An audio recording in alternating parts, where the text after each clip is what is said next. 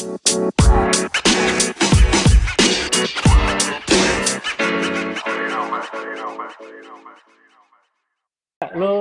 dengerin lagi podcast Kepo Kepo Kepo episode 21. Ini gue masih kepoin cerita pendakian tim Aksa 7 dan di episode kali ini gue akan kepoin cerita mereka di Gunung Binaya, gunung tertinggi di Pulau Maluku dan kalau kemarin kan uh, ada dua J Jogi, Jogi sama Jonga dan sekarang ada tambahan Anes nih salah satu tim juga yang pernah cerita banyak juga waktu di Kerinci. Halo Nes. Halo Bang. Ya. Yeah. Nah, untuk uh, Bina ini kan dari yang episode kemarin kan lu yang jadi tim advance ya yang berangkat duluan ke ke sana ya ke Bina uh, ke Maluku ya. Iya, benar. Nah, hasil uh, survei lu waktu itu apa yang lu temuin di sana? Iya, jadi waktu uh, pas dari Lati Mojong itu lanjutin sedikit cerita yang kemarin uh, yang lainnya pada pulang tapi gue ngambil kesimpulan naik kapal laut sendiri buat uh, ke Ambon karena waktu itu posisinya gue buta banget nih peta binaya tuh seperti apa gitu hmm. walaupun ada beberapa apa uh, orang yang kita datengin di Jakarta kayak Dewe buat apa buat nyari info tentang binaya jalurnya terus uh, apa kebutuhannya tuh apa aja gitu. Tapi gue ngerasa masih kurang gitu. Akhirnya gue memutuskan diri gue buat ke Ambon gitu. Akhirnya begitu sampai nah tapi sebelum sebelum sebelumnya gue udah dapet kenalan dari beberapa orang buat uh, orang yang nemenin kita di Ambon nanti siapa gitu. Di Jakarta gue nyari-nyari info sampai akhirnya gue kontek-kontekan. Jadi ketika perjalanan gue dari Makassar ke Ambon tuh di Ambonnya gue nggak buta-buta banget gitu jadi gue nemuin anak-anak di sana gitu. Waktu itu yang ngebantuin gue itu anak-anak Mapala juga dari Antek Antek Pala anak tegar pencinta alam Ambon. Gitu. Yang diketau diketuain sama Bang Amor. Di Antek Pala itu. Jadi ketika gue sampai Ambon udah deh. Mulai itu gue gue cari-cari info di sana. Gimana sih pengen tahu dari mulai perizinan sampai gimana caranya kita bisa ngedaki gitu.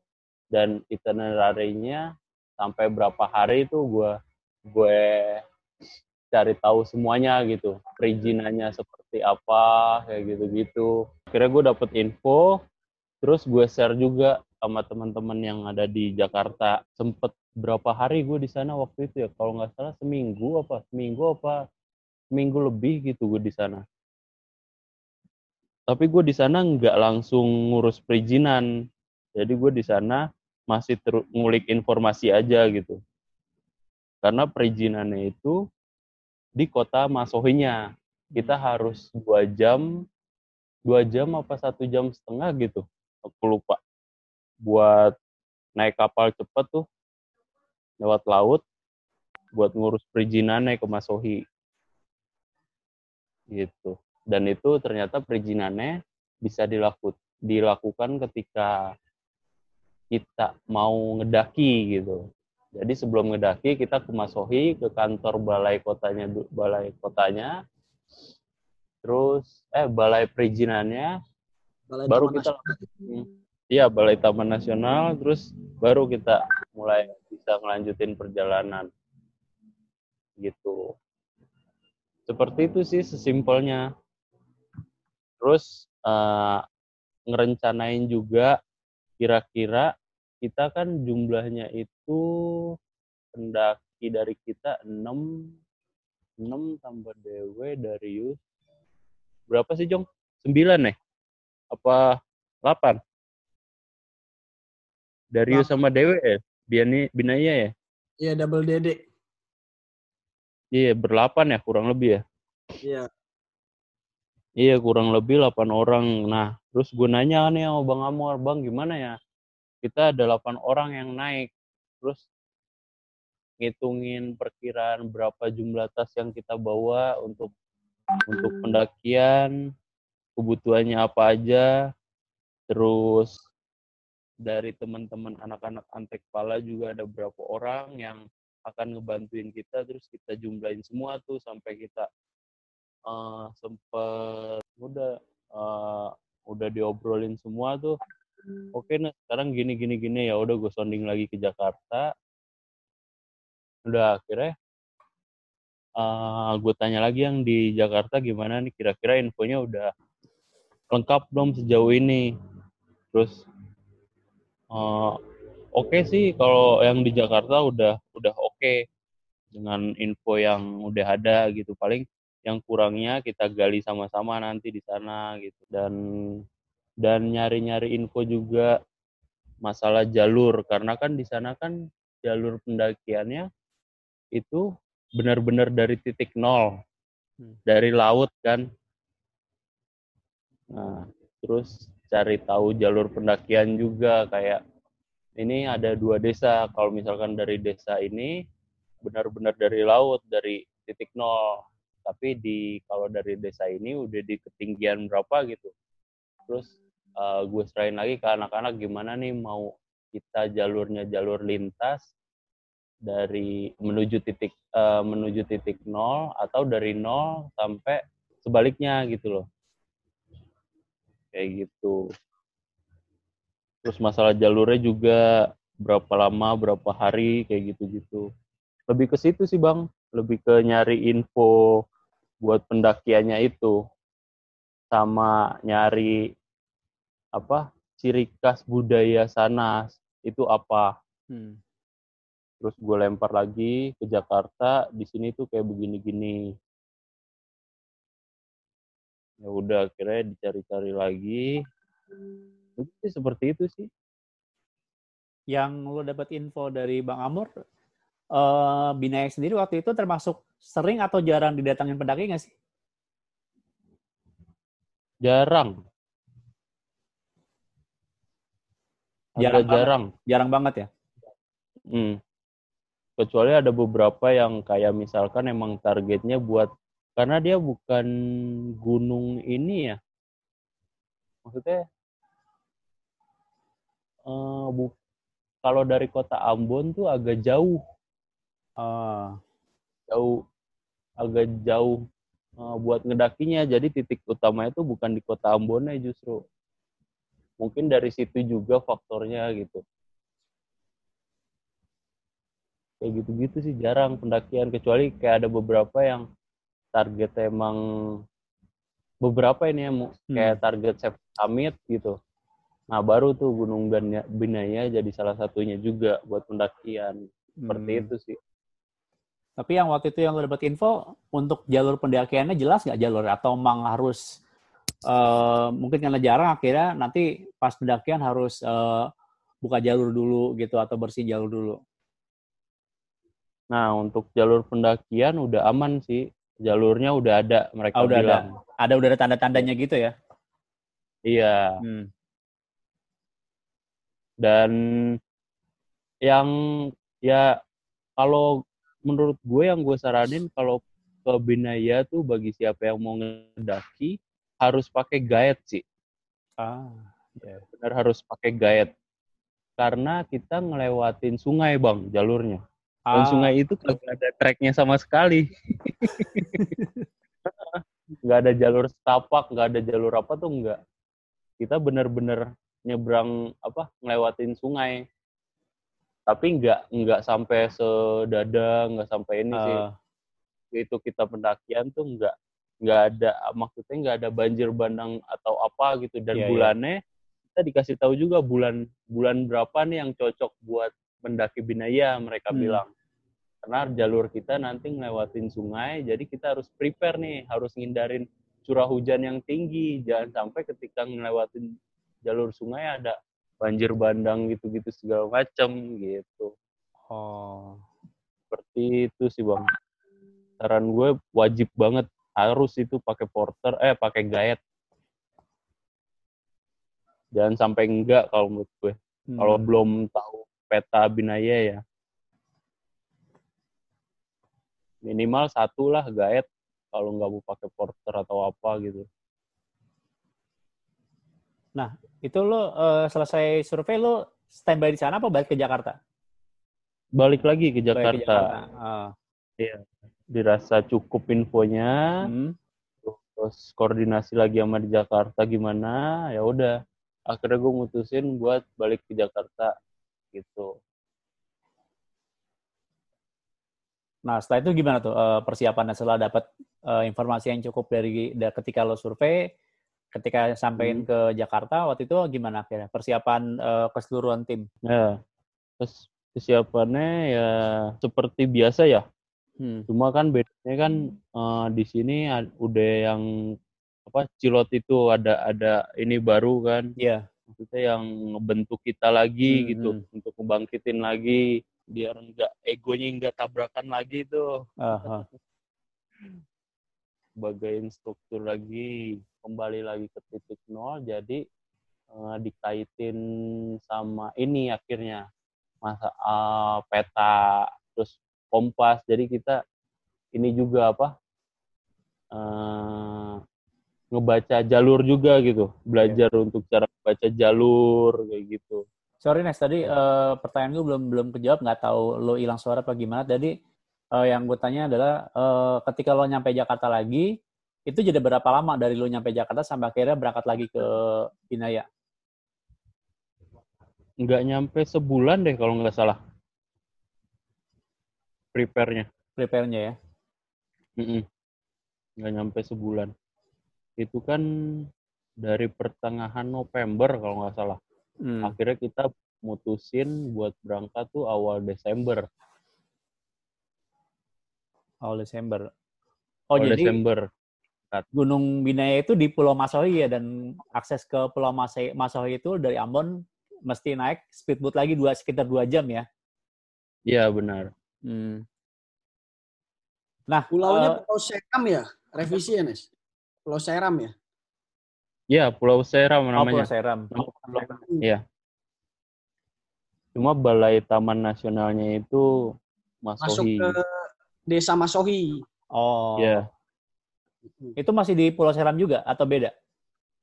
Masih, Iya, masih di Pulau. Seram. Oh, sama Seram juga. Nah, yang untuk Binaya ini kan guys ekspeditornya kan Darius ya. Itu alasannya eh, kenapa dia yang pilih itu kenapa tuh alasannya? Eh, nggak cuma Darius sih ada si Dewe juga Hmm. sebenarnya karena kan tujuan balik lagi ke konten ya. Iya. kontennya menuju titik nol dan eh, masalah eh, kita belum pernah balik lagi ke konten sih sebenarnya itu. Awalnya. Karena kita kan belum nampilin kalau kalau jalur pendak kalau kita mengedaki gunung sebenarnya itu yang benarnya seperti ini loh maksudnya kita harus bawa peta sama kompas gitu loh kita harus tahu arahnya ke mana kayak gitu-gitu dan Secara tek, kita apa? Secara teknisnya harus kayak gitu ya. iya secara teknisnya yang kalau kalau kalau gue pribadi apa belajar sama yang lain juga ya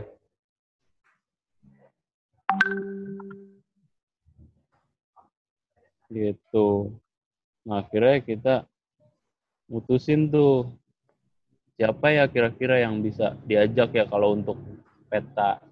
Nah terus waktu si Darius apa ya Jok ya? Pendaki muda kali ya?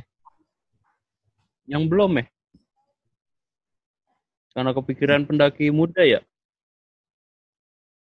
Eh, kalau kan Matthew kan anak-anak. Hmm.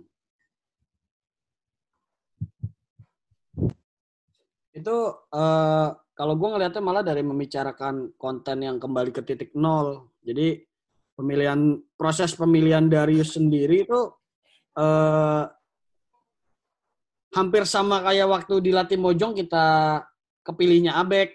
Jadi proses pencariannya tuh akhirnya dia sendiri yang mau ikut merapat ke kita setelah ditawarkan. Jadi eh, menurut si Darius ini konsepsi kembali ke titik nol ini sama dengan dirinya yang memulai aktivitas outdoor. Jadi kan kalau Darius kita tahu kan dengan dia itu brandnya sepak bola ya. Iya. Uh, untuk pembawa acara sepak bola. Nah dia itu memulai untuk dirinya membuka ke kegiatan outdoor dan masuklah ke konsep yang kita bikin kembali ke titik nol. Dia sangat tertarik dan mulai bergabung. Itu berarti dia pertama kali ikut kegiatan outdoor ya? Iya. Oh, makanya dari titik nol gitu kan, dari dari Iya. awal banget gitu kan? Iya, dia terjun ke kegiatan outdoor Hmm. yang benar-benar ekspedisi ya itu dia baru mulai di Binaya. Nah, Terus pas selain itu juga eh, kita juga ngambil narasumber lain si Dewe. Eh, Jadi karena konsepnya kembali ke titik nol, di titik nol inilah kita memanfaatkan ide itu dengan cara ini standarisasinya pendaki harusnya seperti yang akan kita bawa nih, mulai dari pembelajaran teori, pemetaan peta, eh, pembacaan kontur peta juga kita harus bisa menguasai sama penggunaan kompas iya. dan dan kebetulan pun target yang menariknya adalah kalau di kalayak umum kan rata-rata taunya puncak Binaya tuh di ketinggian berapa Jok? 3027 ya Jok? 3027. Iya 3027 tapi ternyata setelah kita mempelajari teorinya diajarin sama Dewe kan peta itu di sebelahnya itu ada puncak yang lebih tertinggi dibandingin yang orang kalayak umum tahu. Itulah yang dinamain puncak sejatinya Binaya. Oh ya di filmnya ada kan tuh. Jadi ada yang kayak berapa versi tinggi tinggi puncak apa benar-benar puncak tertingginya itu kan? Iya Iya. betul. Kalau orang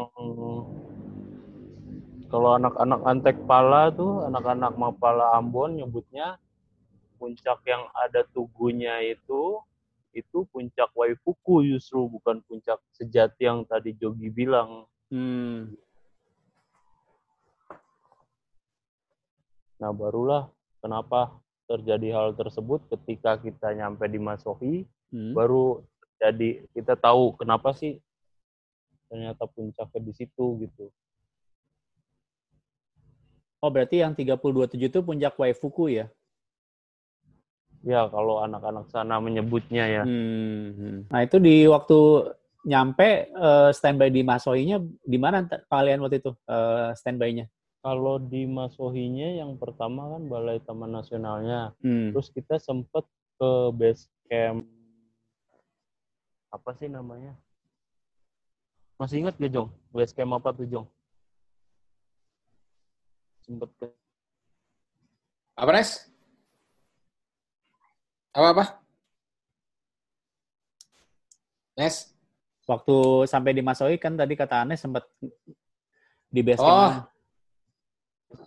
Campnya namanya Base Camp Kompas. KPA. Di sana banyak. Ya, namanya KPA Kompas. Ya, masih rekanan dari eh, teman-teman dari Antek Pala sih. gitu. Hmm, Jadi, eh, di, di, di Maluku tuh tidak tidak sebanyak seperti di Makassar untuk organisasi-organisasi eh, kepenyinalamannya. Eh, nah, eh, Antek Pala tuh bisa dibilang salah satu organisasi yang cukup tua lah di sana di, di Maluku. Nah, terus eh, dia adanya di Ambon, di kota Ambon. Nah, itu eh, Kompas itu rekanan mereka lah, tapi adanya di daerah Masohi. Gitu. Nah, kita sebelum naik ke Binaya, sempat mampir dulu ke base camp-nya itu, base camp Kompas, sambil nunggu ngurus-ngurus si Maxi, Hmm. gitu. Gitu sih. Terus pas pulang juga mampir lagi, gitu. Silaturahmi lah, gitu maksudnya. Sempat nginep dulu di Masohi atau di base camp ya sebelum pendakian ke Binayanya. Enggak, enggak. Hanya mampir sebentar, ngopi-ngopi sebentar. Oh. Nah dari base camp itu ke desa desa terakhirnya berapa jam perjalanan tuh? Naik mobil ya? Naik mobil itu waktu kita kita tuh naiknya kan ngelintas ya. Iya. naik utara turun selatan. Naik utara itu kita ke desa Oh, Hoaulu. Ya. Roho dulu. Oh. Hah? Roho. Iya, Roho. Ho- Hoaulu dulu apa Roho dulu? Roho deh. Habis Roho baru Huawulu, kalau nggak salah ya. Rada-rada lupa. Ya, intinya ke desa itu, itu pakai mobil sih. Itu pakai mobil, Riz. Naik mobil, bisa sampai desa terakhir tuh. Nah, itu gue lupa berapa jam ya waktu itu ya. Sekitar dua jam ya kayaknya. Dua jaman, lupa gue. Hmm. Emang agak jauh sih dibanding lo dari dari base camp Kompas tuh lo ke eh, jalur utara sama jalur Iya. selatan tuh lebih jauh jalur utara sih. Jalur utara berarti yang dari titik nol itu ya? Enggak, titik nol itu adanya di jalur selatan Oh, oke. gitu karena lo tembusnya langsung laut. Hmm. Terus ke bawahnya kalau ditelusurin terus pil- Hmm. dari Piliana tuh turun terus itu laut sampai ujung si aspal Oh, oke. gitu itu sih nah waktu itu kita emang planningnya kembali ke titik nol jadinya emang dan emang kita dari awal tuh merencanakan ini tuh emang melintas gitu karena Hmm. eh, kenapa karena lo akan dapetin semua baik secara konten dan vegetasi dan Iya. semuanya tuh lengkap lo dapetin kalau lo melintas ya. Benar, benar, benar.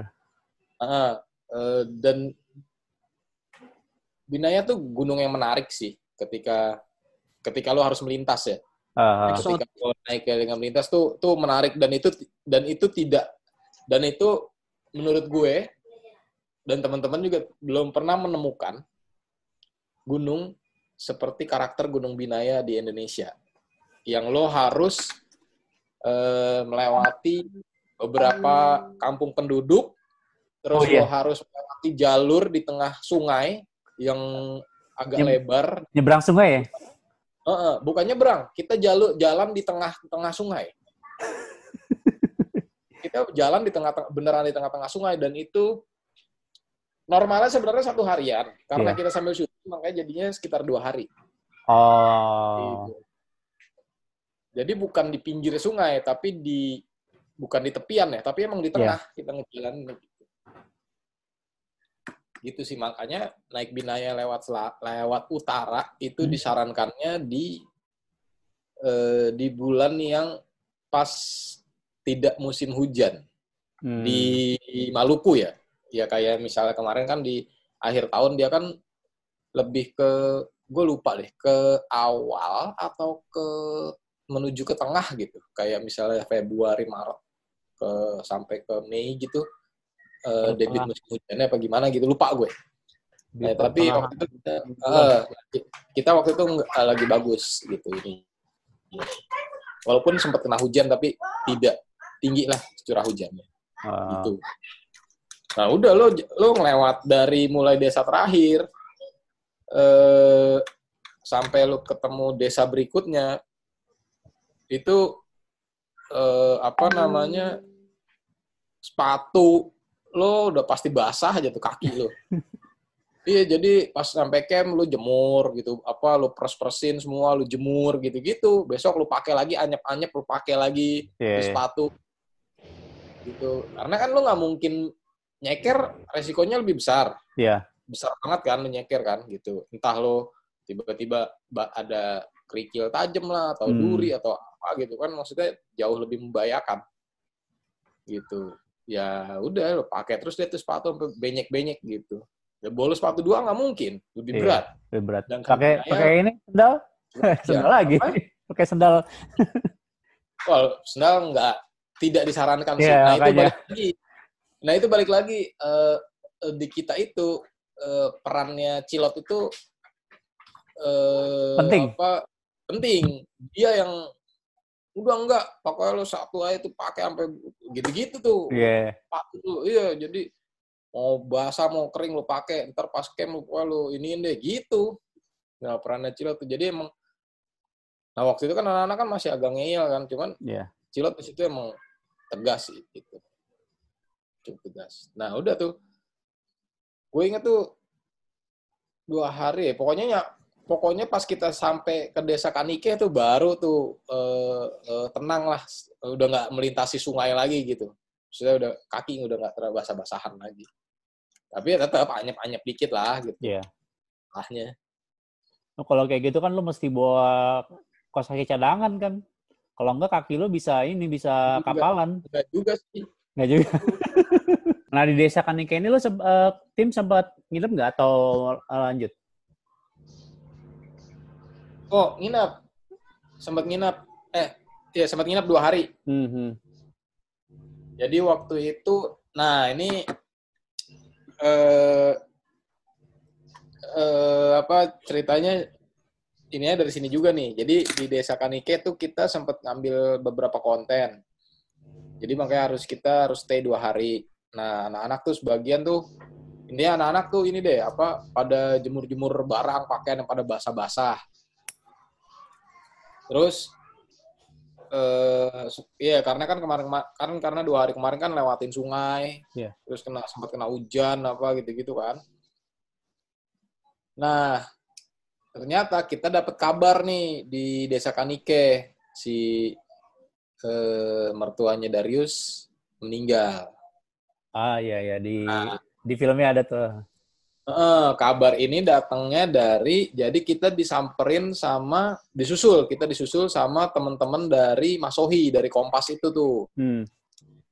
itu atas suruhan dari eh, Riza. Riza itu adalah produser kita yang gantiin Tio.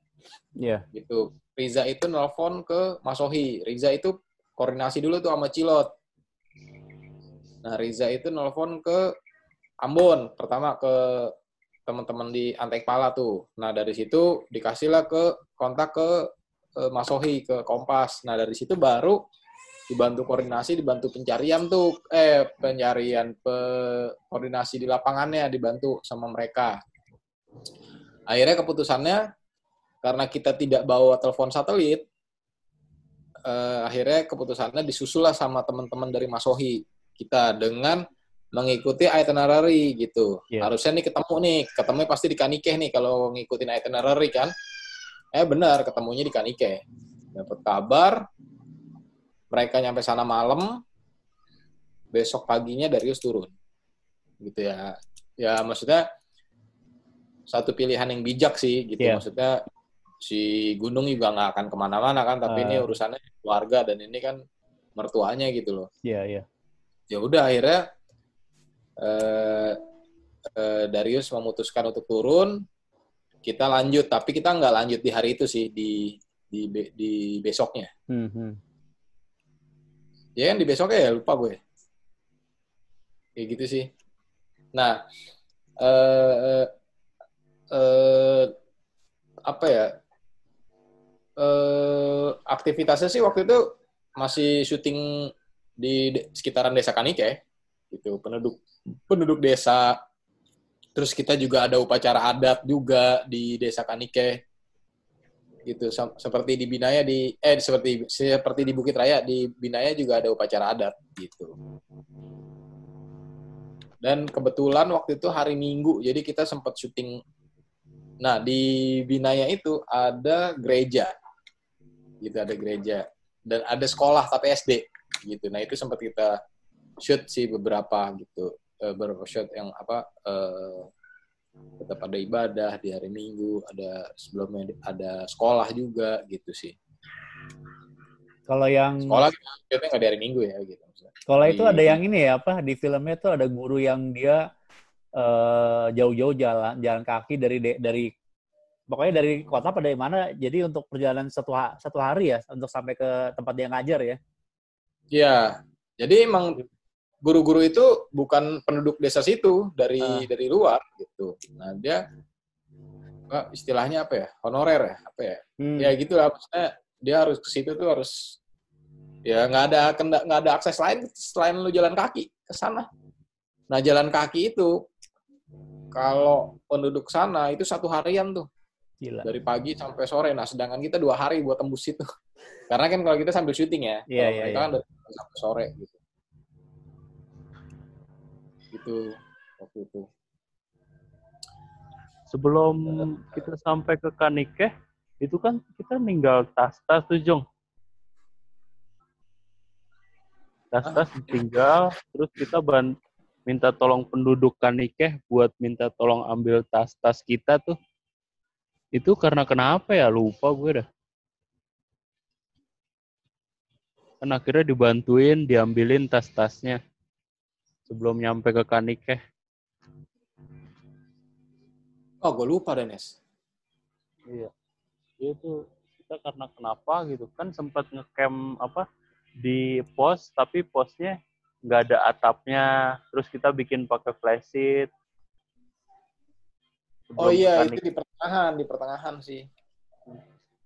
itu karena apa ya lupa gue Iya, lupa gue udah. di ditolongin warga tuh akhirnya kita akhirnya minta tolong warga buat ngambil tas kita kan akhirnya dibantuin sama mereka Kanike sih salah satu desa. Nah, Kanike itu adalah desa tertinggi di Maluku. Kanike. Dan menurut gue juara situ desa tuh udah kayak udah kayak rantau malam deh kalau di di di Bukit Raya atau udah kayak di dusun Karangan kalau di Latimojong. Kalau tapi kalau dusun Karangan udah sedikit lebih maju ya. Kalau ini emang tidak ada aksesnya lu jalan kaki gitu. Sama kayak Bukit Raya tuh di di Rantau Malam tuh aksesnya kan susah kecuali lu kapal klot apa perahu klotok itu kan. Kalau kalau Kanike tuh ya pure jalan kaki ke sana, nggak bisa ditempuh pakai motor, nggak bisa gitu. Dan emang eh, oh ya salah satunya gini nih, waktu itu kita sempat nongkrong dan dan eh, nanya tuh ke ke ke penduduk desa sana gitu. Itu nah, itu kelihatan tuh dari Kanike tuh ada dua puncakan, ada dua puncakan itu puncak Binaya yang mana, puncak eh, nah puncak Binaya yang mana tuh kita tanya. Nah, itu sempat itu dia bilang puncak Binaya itu yang kalau dari Kanike itu terlihat di yang sebelah kiri. Eh, yang sebelah kiri. Nih, puncak Binaya nih. Yang sebelah kanan itu Paifuku. Gitu. Dan emang kelihatannya beda tuh, lebih tinggi gitu. Lebih tinggi sedikit gitu. Nah, terus Dewe tuh sempat eh ini juga tuh ngecek juga pakai peta dari situ. Ya, we. iya iya Iya betul sempat resection intersection itu puncak Binaya adanya di sebelah barat eh sebelah timur sebelah kanan Itu lu, we, lu ngeceknya pakai ini ya, pakai eh, peta kontur atau gimana waktu itu? Kalau buat intersek eh gue melakukan intersection itu pakai peta kontur dua referensinya peta AMS sama peta dari eh, dinas topografi angkatan darat dan dua-duanya emang mengarah ke puncak yang paling sebelah kanan Hmm.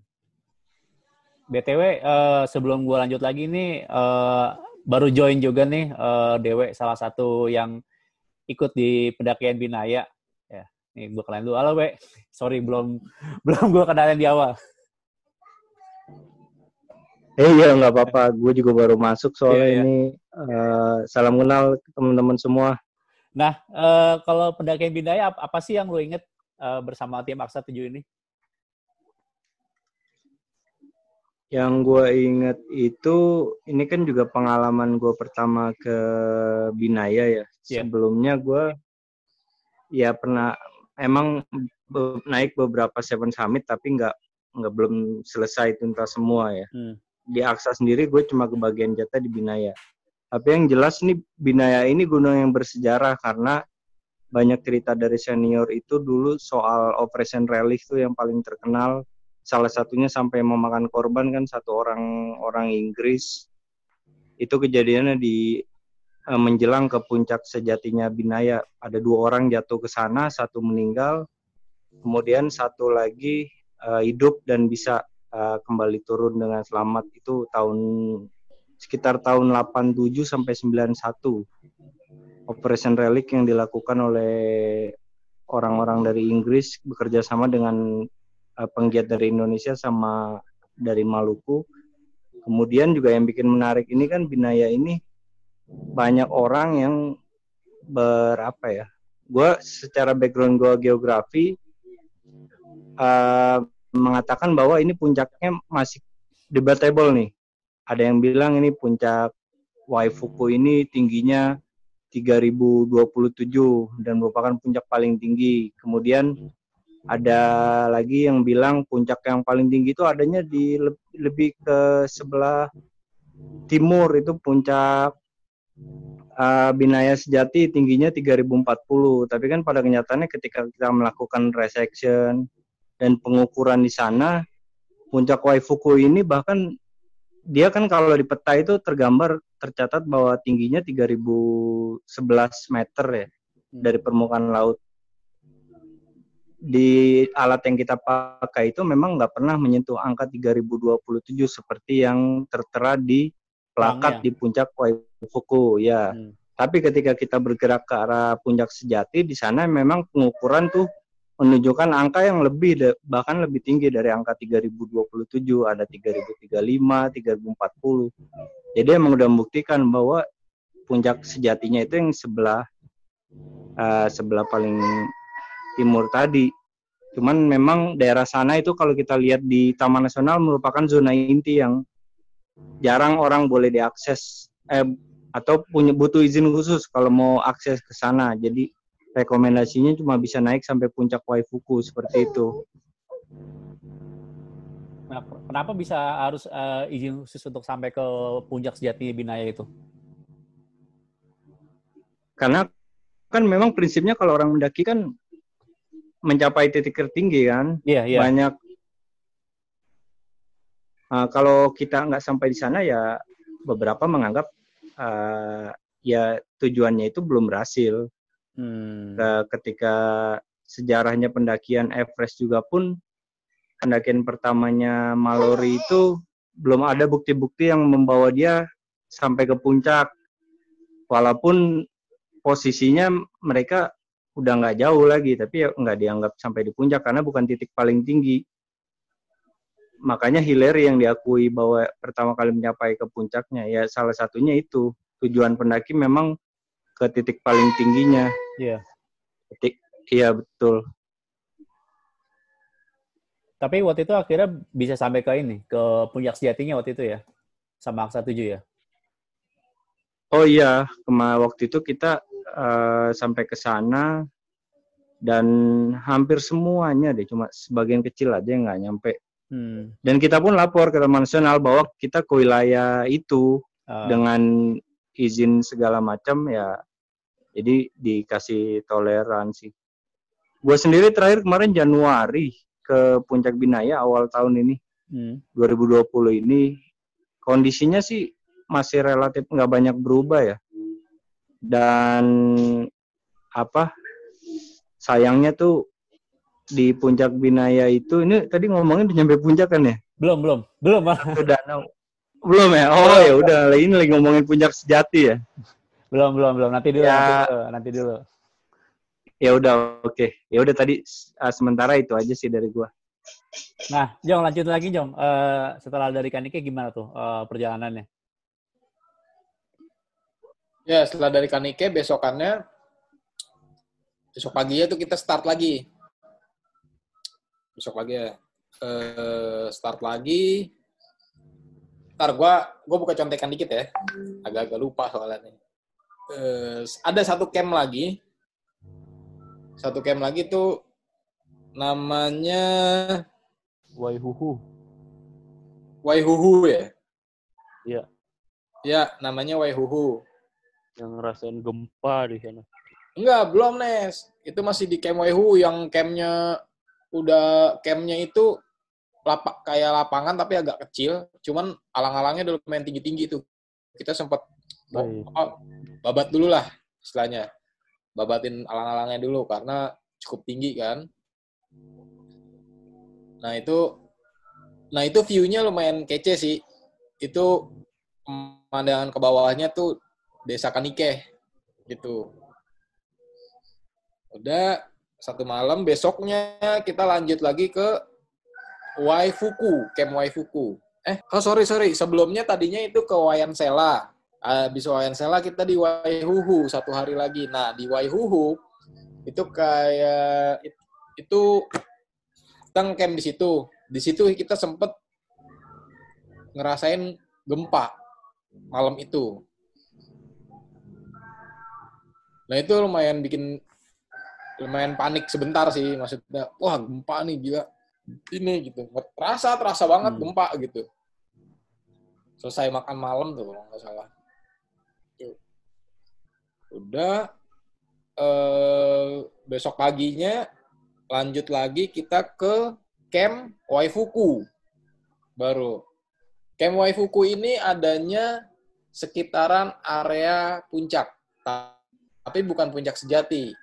Gitu yang tadi dibilang Dewa adalah itu di puncak Waifuku. Jadi eh apa ya nama areanya ya? Kayak tera kayak terasan lah udah jatuhnya kayak eh iya kayak semacam kayak terasan di di pinggiran di pinggirnya tuh di sampingnya tuh ada semacam bukit tapi dia terlalu tinggi dan itu sepeng- sepandangan mata dan itu tidak terlalu tinggi itu yang dibilang puncak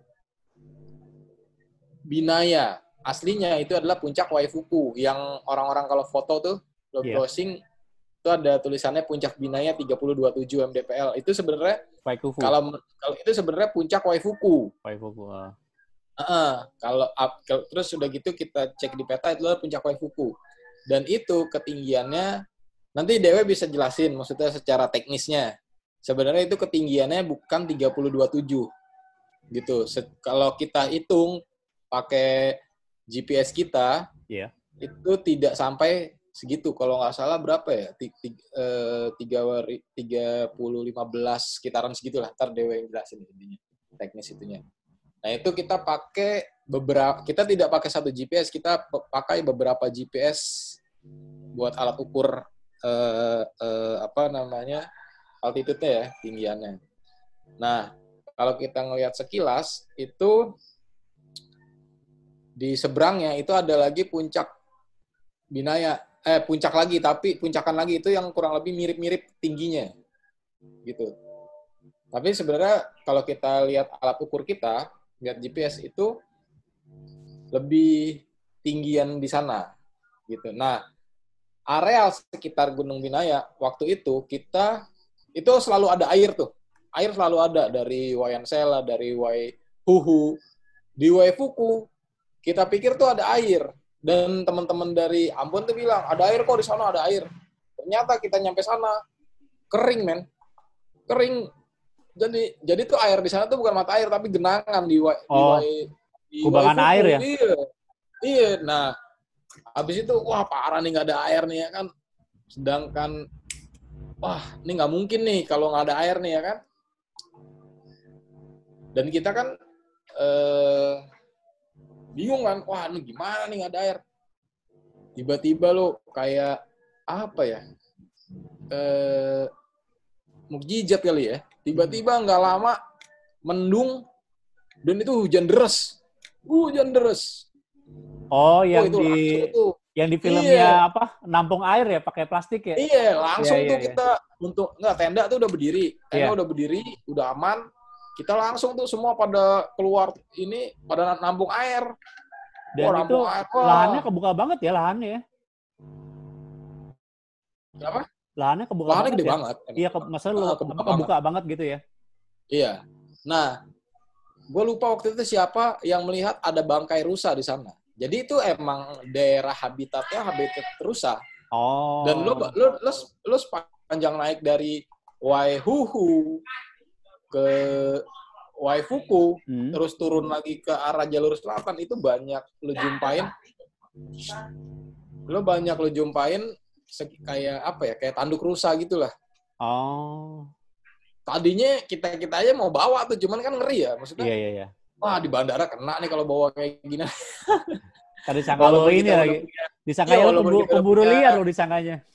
Iya karena kan datang dilindungi hewan dilindungi kan dan Iya. walaupun kita punya surat sakti ya tapi itu Iya, iya. hewan dilindungi nah in- akhirnya air aman lah Am itu udah camp lah kita tuh malam itu kan.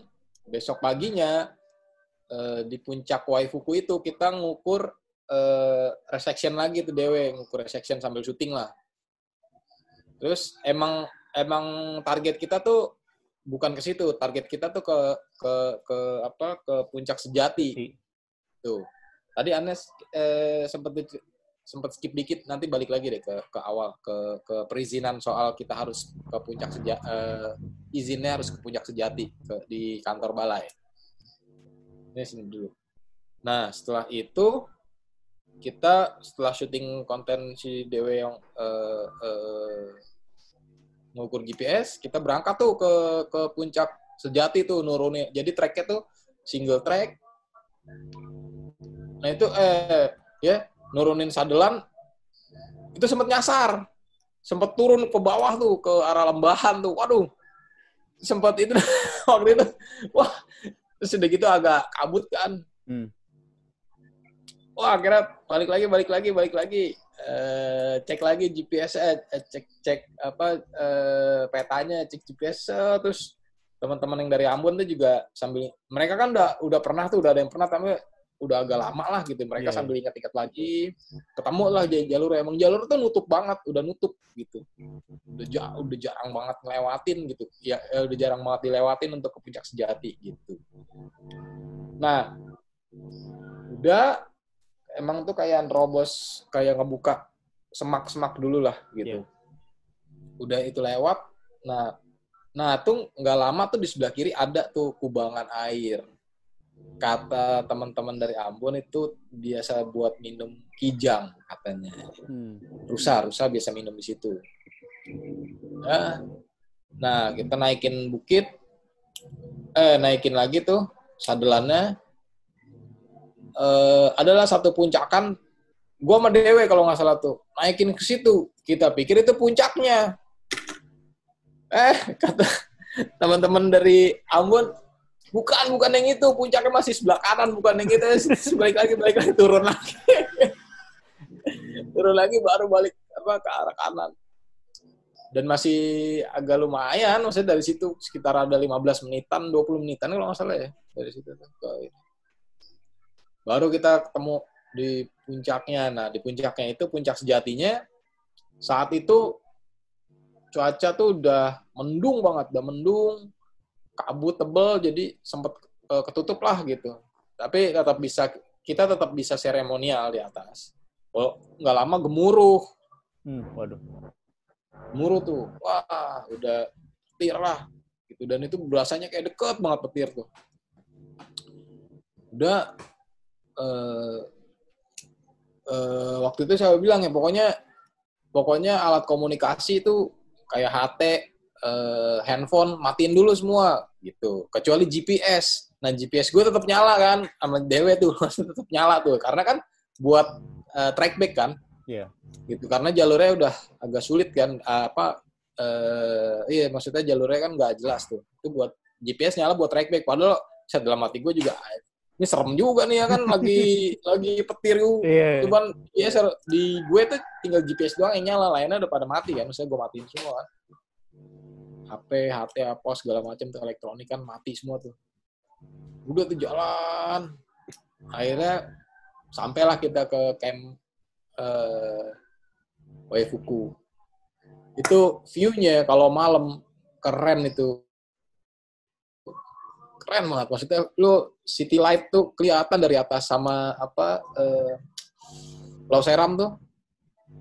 Apa Masohi itu kelihatan tuh semua tuh ininya. Dari atas. Tapi eh, ya kurang lebih gitu sih maksudnya di Sorry, Jong. Kan- di kan di- puncak sorry Jong, di puncak sejati ada plakatnya nggak sih? nggak ada. Nggak ada. tidak ada.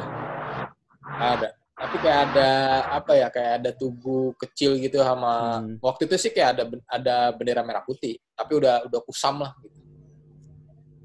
Cuman nggak ada Nah, plakat yang- nah, nandain. kita juga- Ya, selain itu selain selain seremonial kita juga Hmm. sempat sempat cek eh, Dewe sempat cek lagi resection sih kan Hmm. karena itu bagian dari konten kita kan resection Iya. gitu. Jadi nggak ada Nah, nggak ada. dewe deh tuh. Ah. ya. Coba we, jelasin we di puncak gimana ya waktu we di puncak sejati. Tadi agak kepotong, tapi eh, di puncak sejati itu kan kita melakukan pengukuran pakai sekitar 4 eh 3 GPS ya. Iya. 4 sama jam tangan. Yang jelas sih tadi ngajutin tadi Hmm. itu memang wilayah paling tinggi. Kemudian juga kalau diobservasi lebih jauh, kenapa wilayah itu orang-orang dilarang ke sana? Hmm. Wajar sih, karena sepintas memang batuan itu kan batuan-batuan yang rapuh ya, batuan kapur tapi kapur tua. Oh. Jadi kemungkinan kalau orang salah pijak itu bisa cepat patah dan longsor.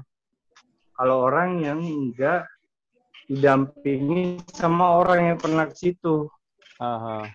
waktu gue sendiri gue kan pertama kali ke situ di sisi yang kira ah ini mungkin biasa-biasa aja padahal ketika kita salah pijak itu di sisi sebelah kanan itu memang batuan rapuh tempat orang yang tadi gue ceritain orang Inggris jatuh itu dua orang yang satu meninggal Hmm. ya di wilayah situ memang kalau dari cerita-cerita. Satu lagi yang menarik ternyata ketika dapat info tambahan di sekitar wilayah Puncak Sejati lebih sedikit agak lebih jauh di sana ada pesawat tempur Inggris yang jatuh. Tapi gua sendiri sih belum pernah ke sana. Anak-anak juga waktu itu nggak ke sana. Itu di dekat dekat puncak sejatinya itu pesawat Inggris yang jatuhnya. Iya, tapi yang pernah lihat sih itu orang-orang Operation Relief tahun akhir tahun 80-an itu yang nulis. Kebetulan senior dulu di Mapala almarhum Norman Edwin dia membuat Oh. catatan itu ada ada pesawat yang bangkai pesawat di sisi timurnya puncak sejati. Jadi memang dari hasil pengukuran di puncak sejati emang udah nggak meragukan itu wilayah yang paling tinggi di pegunungan Binaya Hmm. seperti itu. Jadi waktu itu pas eh, lo ngukur berapa ketinggiannya di puncak sejati Binaya itu? Catatannya eh, beragam ya. Hmm. Kalau data primer yang kerekam di GPS itu ada yang 3035, 3038, tapi selalu catatannya di atas 3027. Cuma kan kalau di kita itu yang jadi patokan dasar adalah peta ya. Dua peta menunjukkan angka 3027. Jadi ya memang karena deviasi GPS itu besar. Maksudnya Iya, iya, GPS iya. itu tingkat akurasinya besar. Apa rendah gitu. Mhm. Jadi memang 3027 itu adalah titik sejati puncak Binaya. Seperti itu. Kesimpulan akhirnya. Hmm. Terus yang tadi lo bilang ada danau itu apa tuh danau? Ya tadi Jonga udah sempet cerita Oh. juga ya. Iya, danau sama ada wilayah ada satu lagi kubangan di bawah itu rusa yang sering jadi sumber air. Dewe kan eh, bilang kalau kontur eh, permukaan puncak sejati itu batuan kapur tua, jadi emang eh, kalau kita mendaki ke sana memang eh, agak rentan, agak berisiko. Tapi sebenarnya yang lo tahu ada faktor lain sih yang nyebabin kalau kita mau ke puncak sejati Binaya itu harus izin dari eh, pihak Taman Nasional itu sendiri. Kalau Iya. gue kalau nanti coba coba gue ituin dulu ya, gue inget-inget lagi ya. Soalnya waktu dulu tuh perizinan ke Masohi, mereka cuma ngasih peta ke kita ngeliatin peta ini ada ada namanya zona merah gitu yang nggak boleh dimasukin para pendaki. Iya. Dari mereka pun mereka nggak ngasih tahu ya alasannya itu karena apa sebenarnya. Yang pada intinya lo tuh nggak boleh masuk ke zona merah gitu kecuali ada yang Dewe bilang kemarin kayak misalkan ada tadi apa gitu ada pembelajaran untuk apa segala macam segala macam maksudnya kalau ada izin apa izin tertentu gitu intinya seperti itulah atau untuk observasi apa penelitian apa seperti itu intinya gitu sih kalau untuk lebih jelasnya gue juga agak kurang tahu ya mengenai zona merah zona merah itu gitu kalau kalau udah di Eh, sorry. pas waktu di puncaknya Hmm. itu nambahin sedikit sempet tuh rambut-rambut kita yang kayak keangkat semua Oh. Cuma gue nggak tahu juga sebabnya apa. Apakah karena faktor cuaca ya? Hmm. Cuaca yang men- Eh, eh, apa pas kita sampai puncak tuh kalau secara fisiknya ya yang terlihat nambahin kemarin tuh Iya. selain batunya yang tajam kapur Hmm. ya itu yang kita lihat secara mata tuh selain gledek dan petir Hmm. Ram- rambut kita pada keangkat gitu. Jadi kayak kalau misalkan lo kalau dulu tuh zaman SD penggaris diusap-usap ke celana terus lo tempelin di rambut terus naik gitu kayak ada medan magnetnya gitu. Ya, kita sih nggak tahu juga ya karena apa faktor apa cuma yang jelas. Baru kali itu di puncak gue ngelihat semua ang apa semua rambut pendaki pada berdiri kan. gitu gue nggak tahu karena ada faktor apa ya soalnya nggak diinin bahas lebih lanjut sih Ya, eh, kalau ngebahas benar yang Anes bilang tuh, eh, karena kondisinya juga waktu itu kabut tebel, terus udah turun gerimis lah gitu, dan itu gemuruh gitu, gemuruh kencang banget. Ya, itu petir tuh berasanya kayak deket sama kita gitu. Yang seperti gue bilang eh, tadi, maksudnya yang apa eh, eh, sinyal semua handphone dimatiin gitu, semua HT, handphone semua dimatiin, terus eh, tinggal sisa dua GPS gitu, GPS gua sama GPS salah, buat track back balik ke tenda. Itu pun gue bawa juga udah agak serem kan waktu itu. Oh ini gimana nih? Karena eh, apa? Mema- kalau GPS kan memancarkan sinyal kan, satelit kan. Oh iya iya iya.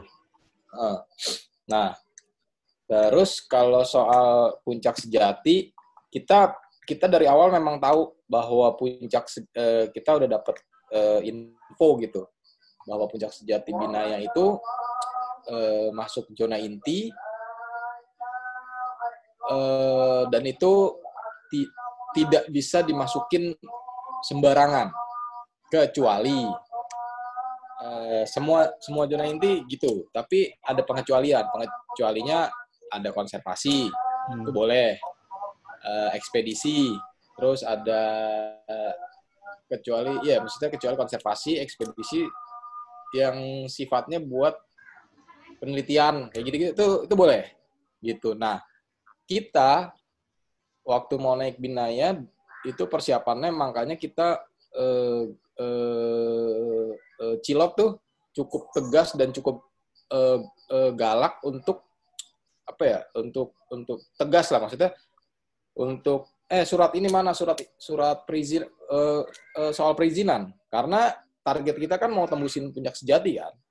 Gitu. Ya. nah terus eh, itu harus kuat dulu gitu surat-surat itu kayak surat dari Mabes Polri, surat dari Basarnas yang notabene kita sebenarnya udah punya, tapi kan sempat expired tuh. Nah, Iya. itu kita urus lagi. Urus lagi tuh. Nah, Mabes Polri, Basarnas, terus kita dapat surat dari kehutanan. Gitu. Kalau nggak salah tuh ya dari Menteri- Kementerian Kehutanan kalau nggak salah. Gue lupa deh, iya. Nah, terus kita dapat surat lagi dari Gubernur Maluku. Ambon Oh. sama Maluku gitu. Kita kita dapat surat lagi tuh. Kehutanan eh Gubernur Maluku satu lagi apa ya Nes? Gue lupa deh, Kemendikbud apa apa gitu. Gue lupa pokoknya kita tuh ada empat atau lima surat dan itu cukup kuat sih gitu. Terus kita juga bawa proposal kita juga kan, proposal ekspedisi kan. Udah jadi intinya tuh eh, file-file itu semua tuh udah cukup eh, memperkuat kita lah gitu.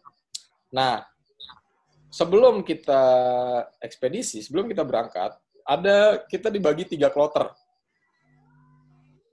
Kloter pertama itu Anggi, Cumit. Sama produser kita sama Riza. Gitu. Itu mereka berangkat duluan tuh ke Ambon untuk mengurus perizinan.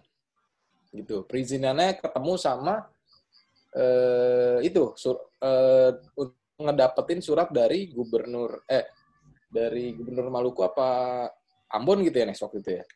Tuh untuk dapetin surat itu tuh tembusan. akhirnya tembus lah tuh surat itu tuh dapet wah itu tenang banget tuh kita tuh pas udah dapet itu tuh nah nggak lama kemudian eh, eh, tim kloter kedua datang tuh eh, teman-teman duluan lah apa eh, kecuali gue almarhum sama Darius waktu itu. Itu yang yang belakangan. Karena kalau gue gue posisinya lagi syuting di Batam. Jadi gue harus menyusul dan ada urusan keluarga lah. Teguh eh, berobat. Kalau Darius juga ada urusan dulu lah gitu. Jadi sehingga kita tuh bertiga menyusul. Menyusul cuma hitungan hari lah dua hari. Oke kalau nggak salah. Menyusul lah. Itu nah sebelum kita naik Binaya itu eh, surat itu kita uruslah ke kantor Taman Nasional itu yang di Masohi Ya. dengan ini apa eh, perizinan kita maksudnya dengan surat-surat itu. Perizinan kita kita urus. Awalnya itu tidak dikasih. Awalnya. Tapi karena kita bergening dan kita mempunyai file-file itu lengkap akhirnya kita dikasih. Gitu. Dikasih untuk ke puncak sejati. Sudah nah dari awal memang dewe tuh eh, kita meminta ba- eh, apa mengajak dewe tuh untuk untuk eh, apa lebih buat navigasinya lah gitu secara altitude gitu kan. Karena bagian dari konten kita juga tentang eh, triangulasi binaya gitu. Nah eh, karena dewe orang yang apa yang kuliah di bidang itu dan dan cukup menggelit menggeluti bidang navigasi dia lebih paham gitu. Lebih men- lebih me- mendalami lah gitu. Akhirnya dicek benar gitu. Eh, semuanya benar dengan data-data yang kita punya dengan alat ukur yang kita punya itu benar. Eh, dan apa namanya eh, setelah itu tapi emang secara yang Dewe tadi bilang itu tidak ada ketinggian yang real eh yang yang sesuai dengan 32.7 tadi itulah. Gitu. Tapi yang men- mendekati rata-rata semua. Gitu di ketinggian di puncak sejati itu. Gitu. Nah balik lagi sedikit kenapa eh, di daerah puncak sejati itu dibilang zona inti? Ternyata di sana itu selain eh, jalurnya yang sudah tertutup rapat, sudah tertutup rapat dan itu mempunyai tingkat resiko yang sangat tinggi, gitu. Nah, jalur menuju ke puncak sejati itu juga itu batuannya batuan kars gitulah, itu tajam. Sepatu, sepatu sepatu trekking kita tuh rata-rata sepatu trekking anak-anak tuh pada sobek-sobek gitu, bukan jebol ya, sobek baret-baret gitu. Karena saking tajamnya, mungkin karena ja- jarang diinjak, jarang dijamah ya. Tapi emang karakter batuannya seperti itu gitu. Kayak batu karang tapi tajam lah gitu. Terus eh nah itu salah satunya itu tadi itu apa eh, kok kayak ada medan magnetnya kencang gitu ya di daerah puncak sejati ya. Itu tuh, itu yang belum terpecahkan sih. Itu ada apa ya gitu. Terus yang ada lagi yang gue sempet singgung tadi menu di sadelan menuju puncak sejati sebelah kiri kalau kita naik ke arah puncak sejati itu ada kubangan air yang biasa tempat rusa minum. Nah, kemungkinan juga ini habitatnya rusa. Gitu.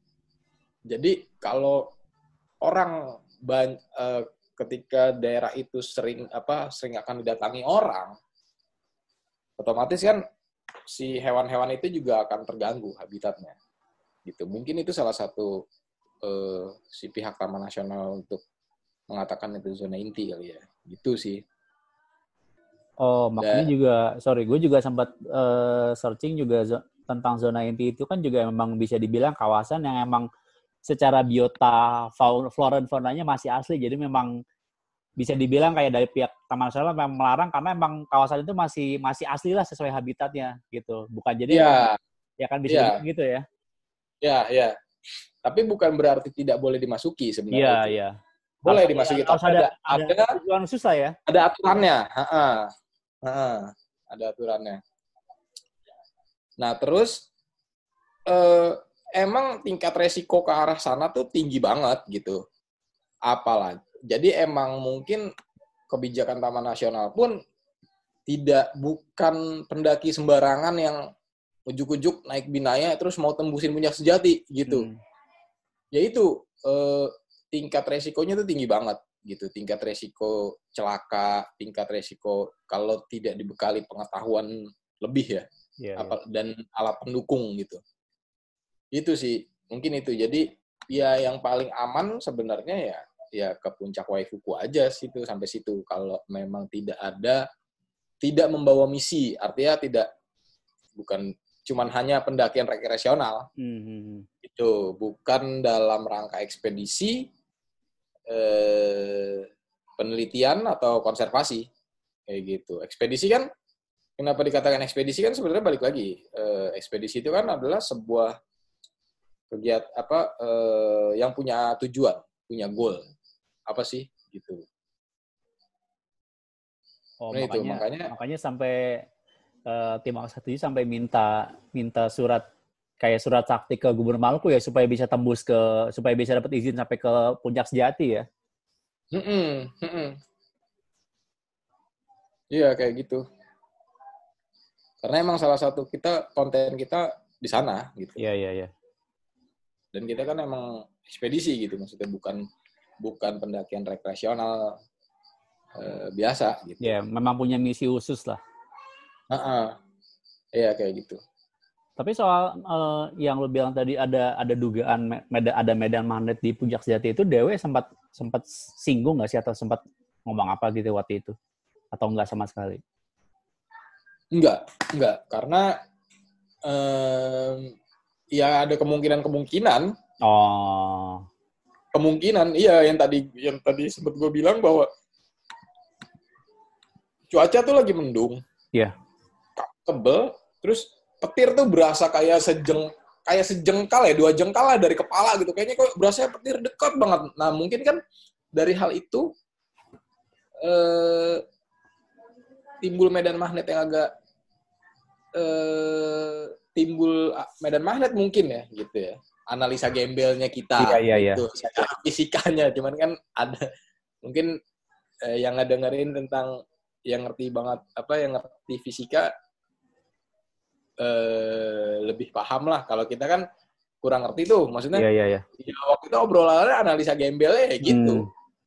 mungkin karena ini ya eh, kayak kita tuh berasanya tuh petir tuh deket banget sama kepala tuh kayaknya Ya karena lo di tempat di tempat tinggi, tempat paling tinggi di situ, eh, kan? Iya. istilahnya.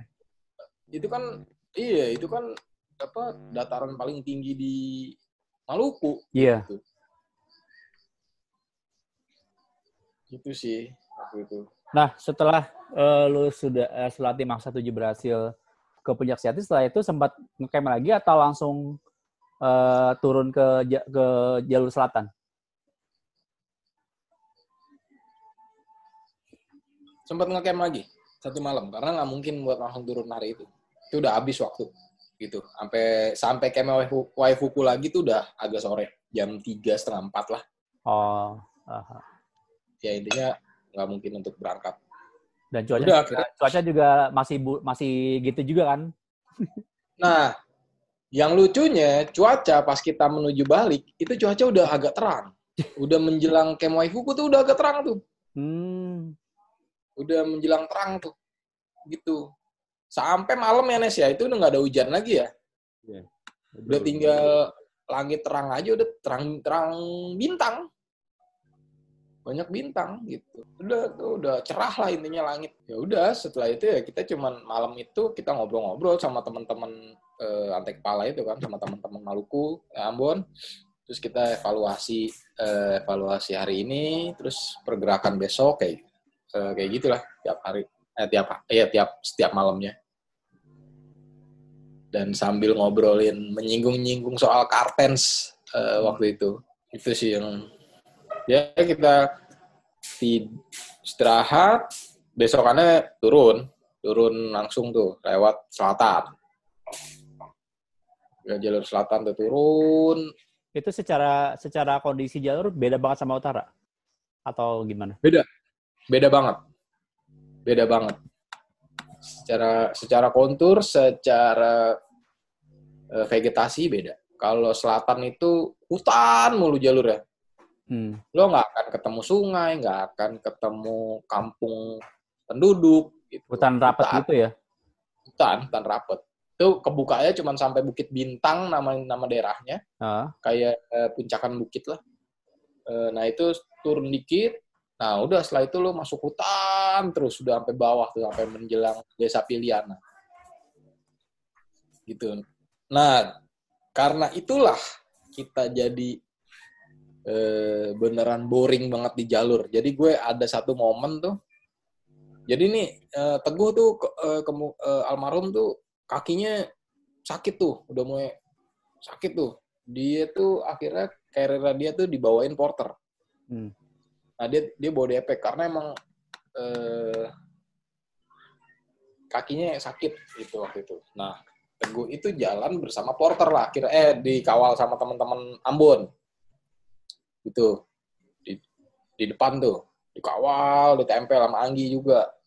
Dewe di tengah nih, Dewe tapi ngikut. Nah di belakang nih sisa sweeper itu sisa gue, eh, Ucok, Ivan, sama Anes tuh. Terus ada momen, nah setiap turun kita itu gue inget tuh jam sekitar jam 12 atau jam 1 itu selalu kena hujan. Dan itu deras. Hujan deras tuh. Siang tapi gitu. Udah tuh setelah hujan berhenti kan udah ya lembab-lembab basah kan ya gitu.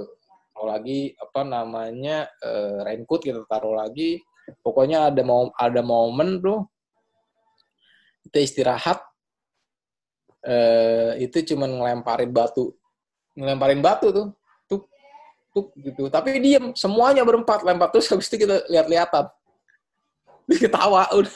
Itu udah saking jenuhnya. Karena itu udah masuk hari keberapa ya? Hari ke-9 apa hari ke-10 gitu gue lupa. Karena kita akan total 12 hari. Dari naik sampai turun gitu. Itu yang gila. Dan itu kan pendakian terpanjang se- eh, selama dari gunung pertama sampai gunung keenam ya. Belum ketemu Kartens. Kartens emang iya. lebih panjang, Panjang. Cuman kan waktu itu kan kita mikirnya gila selama ini ya gitu. Nah itu kontingensi days kita itu udah kepake kepake terus gitu. Harusnya harusnya itu sekitar kalau normal ya itu sekitar 9 atau 9 harian lah atau 10 hari lah maksimal tuh udah. Udah ini banget udah buat ngelintas ya. 9 harian lah. Naik turun 9, 9 sampai 10 hari nor- eh, Iya, normalnya. Kalau ngelintas, eh, kalau ngelintas. Karena kita syuting, terus kita ada ada yang tadi gue bilang ada Darius dijemput karena Iya. mertuanya meninggal gitu. Eh, terus sebelum kita masuk Kanike, eh, kontingensi kita, kontingensi days kita udah kepake, kayak gitu. Udah akhirnya itu udah hari ke 10 apa hari ke eh hari ke-9 apa hari ke-10 itu yang beneran udah bete itu kita di jalur gitu. Gila nggak sampai-sampai ya sampai sampai ngomong kayak gitu. Gila Udah jauh, udah jalurnya hutan mulu lagi kan. Iya. Cih, ini pan- panjang banget. Lu inget nggak Nes kejadian itu Nes yang gila nih panjang banget ya jalur eh gunungnya kagak sampai-sampai gitu. ya kan? Iya. Itu Tapi sih di selatan itu sempat maksudnya eh, bablas emang turun sampai desa terakhir atau sempat ngecamp dulu? sempat ngecamp, nggak Oh. mungkin kita gas terus. Itu Emang masih emang panjang jalurnya ya jalur selatan ya? panjang. Panjang. Itu sempat ngecamp dua malam ya Nes ya kalau nggak salah. ya? Gila. Dua malam. Dari Camp Waifuku ya. Dari Camp Oh. Waifuku tuh masih, masih sempat ngecamp dua malam lah. Dua kali. Bukannya bablas ya? Sampai Piliana tuh. Enggak, kita ngecamp. Yang Lagi di rumah warga itu. apa? Bukannya ngecamp lagi udah di bawah ya? Enggak, eh satu kali apa dua kali gitu ngecamp lagi. Kalau seingat gue sih bablas terus ya. Enggak, enggak. Gue inget kok ngecamp dulu kita. Kan kita, lu inget gak yang kita ada satu camp, ada satu camp nih Nes. Hmm. Pokoknya itu ngecampnya eh, ada satu camp gue inget itu dua malam pokoknya. Nah ada satu salah satu camp itu ada stiker stik eh, teman-teman dari Makassar. Jadi ada Warriors Access 77 dari Makassar tuh nempelin stiker.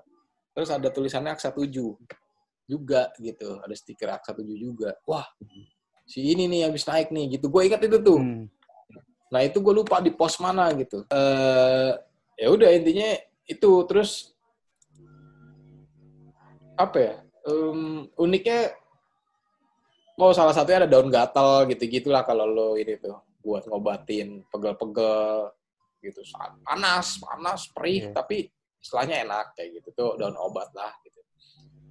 Nah itu yang sering makein almarhum tuh eh, buat kakinya, buat punggungnya gitu-gitu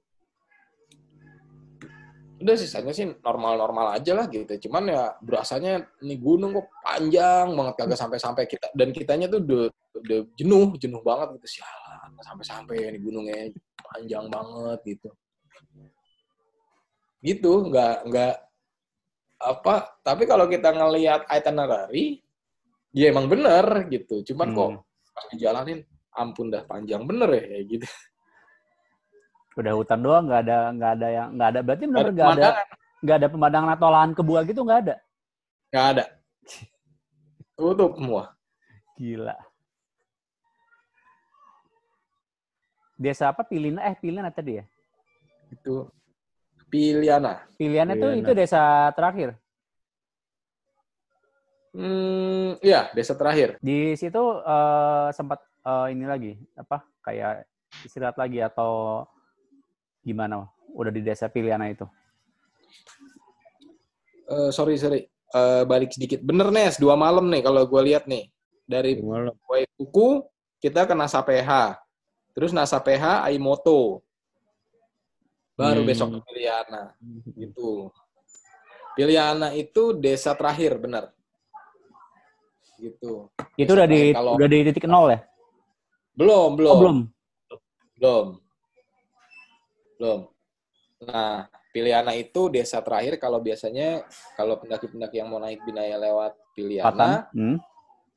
eh, upacara adatnya tuh di desa Piliana. Kalau kita Oh. kita naiknya dari utara, kita upacara adatnya di desa Kanike. Hmm. Gitu. Nah, terus rata-rata saat ini kalau gue eh, lihat, gue baca gitu banyak orang, banyak pendaki-pendaki lah yang pada naik Binaya itu lewatnya Piliana, naik turun selatan. Karena mereka kayaknya menghindari utara tuh terlalu jauh kayaknya ya. Oh, apalagi yang jalurnya masih ngelewatin sungai itu ya. Mm-mm. Tapi sebenarnya kalau gue kalau misalnya diajak balik lagi ke Binaya, gue pasti Mending- memilihnya lewat utara.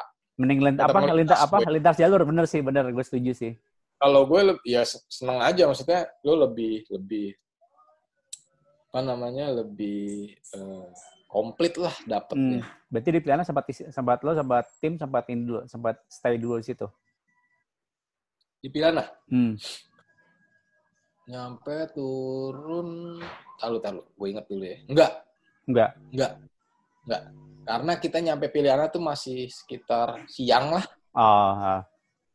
harusnya harusnya tuh kalau emang kita jur terus itu bisa tuh sebenarnya cuma nginep satu malam cuman kalau kita kan emang agak santai ya dan Iya.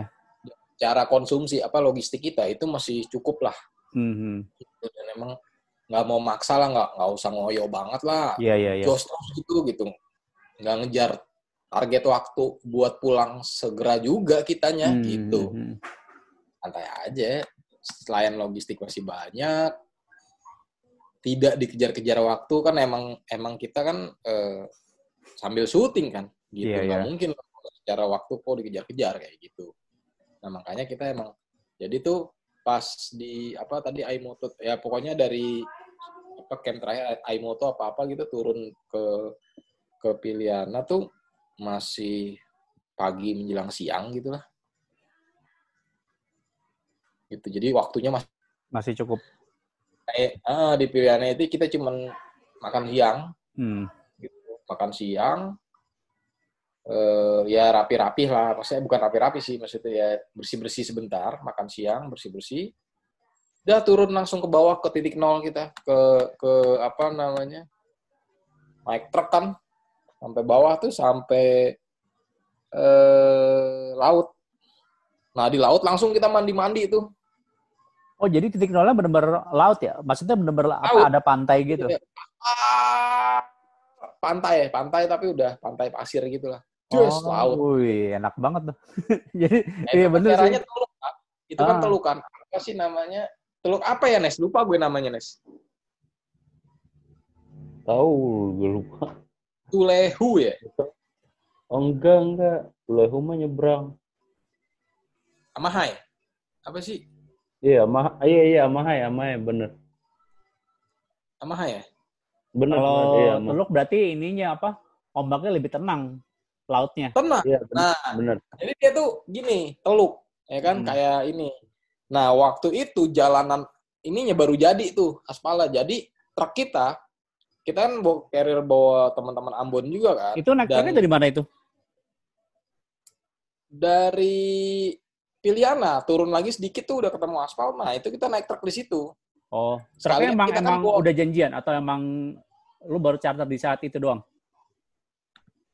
Baru charter di situ. Oh, oke oke. Nah, eh Itu sampai eh, jalan tem- raya dulu, di ketemu teman-teman iya teman-teman antek pala yang bantuin kita nyari truk lah Hmm. sekalian ngebalikin eh, porter-porter kita kan yang Iya. kan kita bawa porter dari Huahulu sama dari Kanike Hmm, hmm. tuh Iya. nah jadi kita berenang-berenang nih di teluk itu ambil inilah ada beberapa teman-teman dari antek pala yang eh, eh, ngikut gitu sebagian naik truk sebagian ini nah kalau naik truk itu lu sekitar lu dua dua jam apa tiga jam gitu loh ini apa melipir tuh jalur tuh Iya. sampai ke titik sini nih gitu sekalian balikin si apa namanya Si porter. Heeh, heeh, ke Wahulu lah si truk itu. Nah kita nih nyebrang nih, nyebrang naik kapal apa eh, kayak sampan ya, Hmm. semacam kayak kapal kayu lah. Nah itu ada dua kapal kayu kita sewa tuh, gitu.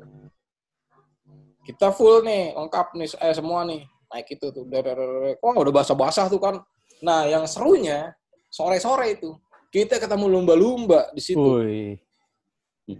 Itu bonus banget sih. Itu airnya jernih, ketemu lumba-lumba. Wah, anjir, gila lu dari naik gunung, turun, ketemu laut, ketemunya lumba-lumba. Hewan laut gitu. Rasa jenuh lu terbayar banget tuh ya. Itu langsung berasa hilang, lu capek juga. Wah, gila. Langsung mandi air laut kan kita kan. Turun, mandi air laut, baru kita nyebrang kan. Iya. Itu nyampe, wah itu di kayak kapal kita tuh, apa kapal kayu kita dikawal sama lumba-lumba tuh. Wih, mantep banget itu. Itu terus aja tuh. Ada sekitar hampir dua jam lah nyebrang tuh satu Hmm. setengah jam. Nah, udah sampai seberang. Eh, Nah di seberang itu semacam kayak pasar tapi udah tutup lah, gitu. Nah udah tuh kita sempat ngopi-ngopi dulu apa di situ. Nah, kita, nah dari dari situ ke tempat penginapan kita tuh nggak begitu jauh, jalan kaki di tempat penginapan kita ini lagi mandi lagi. Jadi ada banyak anak-anak kecil pada mandi men. Di situ mandi mandi di air laut. Jadi kayak Hmm. pantai tapi ada pasir dikit langsung inilah gitu. Nah itu mandi-mandi. Kita semua pada mandi-mandi. Lanjut lagi mandi. Iya, berenang-berenang. Iya. Puas dan banget itu ya. dangkal. Iya dangkal. Cuman sepinggang lah. Tapi Oh, bening bening iya. banget gitu. wah itu gila. Gue bilang ini nih wah juara deh ini langsung Kebayar banget itu lo apa Ini. Berasa aja lu kagak mau pulang ke Jakarta udah. Gila lu dari penginapan kita nih lo ke teras penginapan kita tuh depannya ja- apa jalan jalan raya tapi nggak begitu besar. Nah seberang jalan raya tuh udah udah laut. ya ya karena kan Maluku pulau ya. Heeh. Nah itu Iya, iya. lu bayangin aja gila lu lu nongkrong depan rumah aja nih di rumah kita nih selesai Depannya mandi laut. gitu. Iya malam-malam nih selesai mandi lah gitu makan malam selesai ngopi depannya udah laut gitu. Iya. Teluk teluk itu. Wah gila juara banget deh. Emang tuh gue bilang Maluku bahaya nih emang nih. Eh gue kalau diajakin balik lagi ke Binaya mau gue tapi tapi satu doang yang gue nggak mau. Jangan dikejar-kejar waktu. Iya emang. Udah. Karena Gitu karena eh, waktu apa Jadi estimasi harinya panjang ya. gitu apa estimasi harinya panjang sih, jadi jangan dikejar-kejar waktu ya. Mm, mm. Nah, yang estimasi jadi itinerary yang uh, Anes bikin buat Gunung Binaya yang teman-teman Aksa bikin itu buat gue menurut gue itu sangat-sangat ideal karena Hmm. kita tidak dikejar-kejar waktu. Kontingensi days kita juga agak banyak, Iya, tiga iya. hari, tiga empat tiga hari ya tiga atau empat hari gitu Anes bikin lupa gue waktu itu ya. Dan itu sangat proporsional. Itu eh, dan kita juga setelah turun pun tidak dikejar-kejar waktu gitu. Ayo ayo segera balik ke Ambon apa balik atau eh, eh, segera balik Jakarta enggak, Hmm, hmm. santai aja gitu.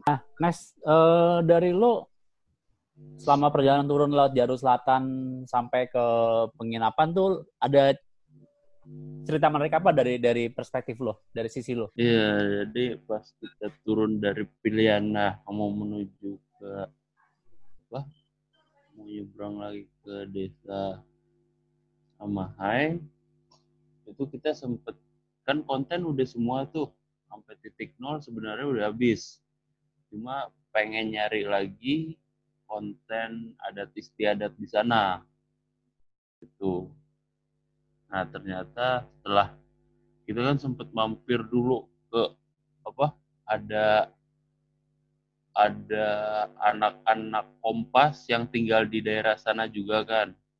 Kebetulan mereka dibantu mereka juga nyari-nyari konten ada istiadat ternyata bukan momennya pada hari pada bulan Desember itu. Ya udah terpaksa kita apa nyari-nyari lagi nanya-nanya sekitar Nah, ternyata ada kalau mau diadain tuh. Maksudnya eh, mainin alat musik kalau misalkan ini mau bisa di rumah panggung gitu. Nah, ya udah kita coba ngambil apa? Ngambil ininya aja. Ngambil sedikit konten itu gitu. Jadi ada ada unsur adatnya juga cuma eh, enggak enggak full gitu loh kita dapetnya nggak full. Mereka kan ada apa? Ada masyarakat di sana tuh pas mainin musiknya itu pakai pakaian adat merah-merah, ikat kepala merah-merah. Kalau di sana kalau nggak salah nyebutnya kain berang deh. Kain berang gitu. Terus mereka niup apa? Mainin alat musiknya niupin apa? Keong yang agak gede gitu. Gitu itu ada ada di film kita juga kalau nggak salah. Oh, yang ada anak kecil juga yang sambil megang golok itu ya? Beda lagi itu Oh, beda di lagi. Iya. Itu di desa ini Kanike kalau Oh, nggak mau kanike. Oke, iya iya iya. Iya. Gua gua lupa gua. salah. Heeh. Ya kurang lebih sama pakaian pakaian adatnya seperti itu merah-merah juga Mhm. Gitu. Terus sih habis dari situ ya kita naik apa kapal lagi ke apa ke yang pasar itu Oh. terus ke dat, eh, lanjut lagi kita mampir dulu ke rumah penduduk yang seberangnya itu ternyata laut akhirnya kita mandi lagi di laut udah terus sempet sempet nginep ya Jong ya kita sempet Hmm. nginep Nginep, nginep dulu gitu. Berapa hari jadinya nginep di Pulau Seram itu yang setelah turun? Sehari. hari Sehari. doang satu malam Mhm. Eh, pas Binaya ini sendiri eh, evaluasi apa yang yang yang lo dapet nih untuk karena kan dari Binaya tinggal satu gunung lagi waktu itu evaluasi apa yang dapat atau poin apa yang didapat untuk jadi untuk modal next untuk ke Kartens? apa ya waktu itu Jong Itu banyak sih Nes yang sa- ya soal budget, soal eh, kalau teknis banyak. Salah satu eh, kita harus TC dulu, training center sebelum naik Kartens. Itu. Terus di Oke, berarti ini masuk session eh, eh, turun se, se- after Binaya eh, before Cartens ya berarti ya. Boleh, boleh.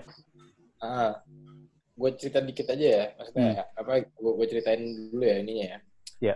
Nah, eh, eh, tarik mundur sedikit, tarik mundur sedikit ke eh, berapa episode yang lalu ya? Ah, setelah Bukit Raya kan kita tuh sempat bikin fundraising tuh sama teman-teman dari Bandung tuh. Namanya teman-teman Torean. Yang intinya kita udah dibantu banyak beberapa eh intinya kita udah dibantu sama eh, ada adminnya apa gitu-gitu kan dari sosial media kan terus kita bikin fundraising kan nah dari situlah kita bertemu dengan orang yang tidak disangka-sangka artinya bukan karena kita jualan kaos eh, souven apa souvenir apa gelang dari situlah dari perkenalan perkenalan itulah kita ketemu banyak orang yang ada donatur apa gitu kan yang akan membantu kita nantinya. Dah dan dari situ juga pula lah kita bertemu dengan teman-teman yang membeli souvenir kita dan mereka sangat support kita gitu. Mereka ngikutin sosial media kita, mereka kalau pas kita lagi ada sharing session di mana mereka hadir gitu. Nah, orang dan itu ternyata bagaikan semacam kayak bola salju semakin banyak, semakin banyak, semakin banyak dan meluas gitu. Nah, mereka itu disebutnya Warriors Aksa. Warrior Warriors Aksa 7. Nah, dari Warriors ini ternyata mereka itu punya eh, apa ya? Eh, mereka tuh ternyata support kita tuh benar-benar support gitu loh. Gitu. Nah, eh Taruh, Nes, kita bikin bootcamp itu setelah atau sebelum Binaya ya? Setelah kan ya? Iya. Nah, iya setelah turun Binaya sebelum berangkat Kartens itu kita bikin Oh, namanya boot, bikin namanya bootcamp. Gitu. Bootcamp itu eh, bikin rangkaian tiap kota tiap, eh, tiap kota tuh satu huruf gitu. Nah, itu bikin rangkaian Indonesia, tapi setiap kota tuh satu huruf.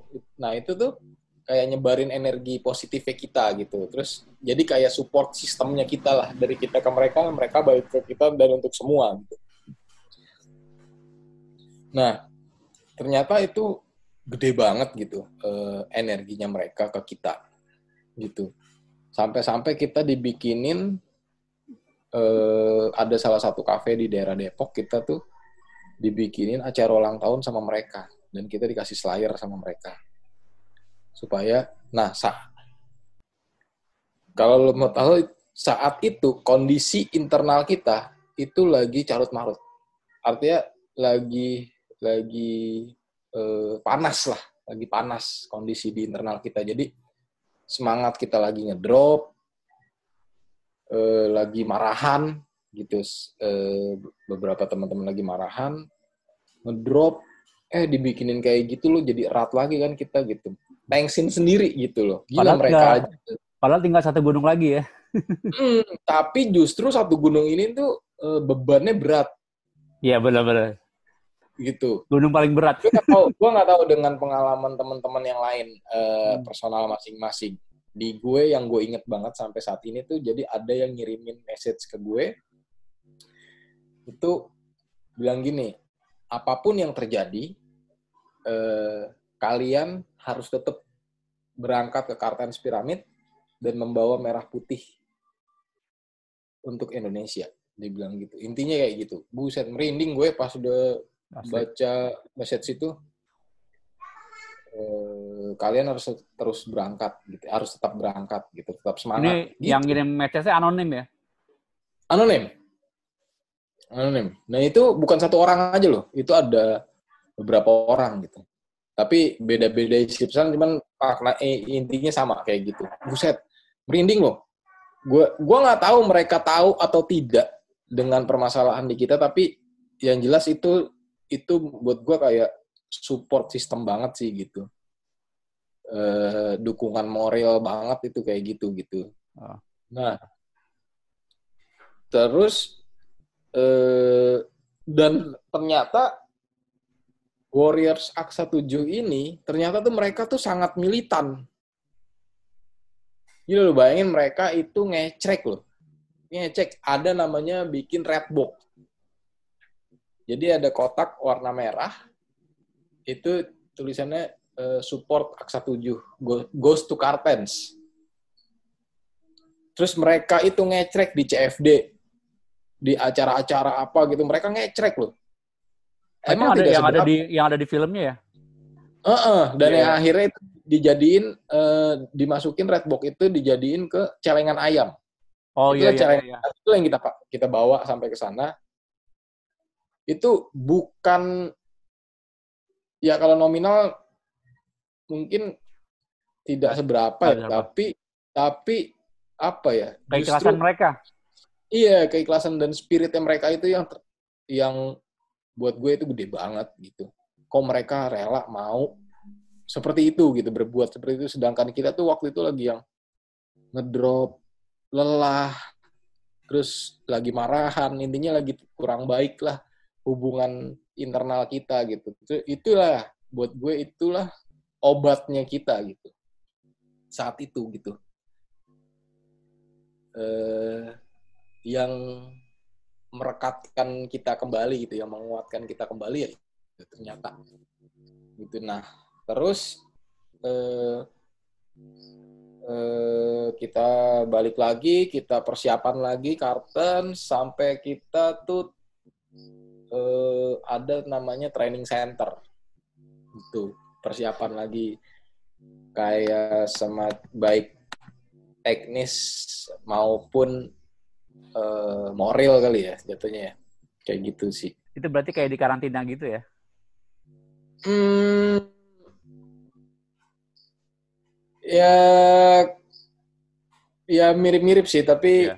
agak agak beda ya tapi ya tapi kurang lebih mirip-mirip gitu cuman lebih kepada penyatuan energi lagi lah nah Hmm. itu sama sama orang-orang yang kemarin hadir eh yang apa sama Kang Gali sama Wabongkeng sama Om Kweceng gitu dari dari IS Eger Adventure Service Team gitu maksudnya eh, buat karakter buildingnya buat ke tim terus kekompakan tim kayak gitu gitu sih Oh. terus eh, eh, apa namanya latihan teknik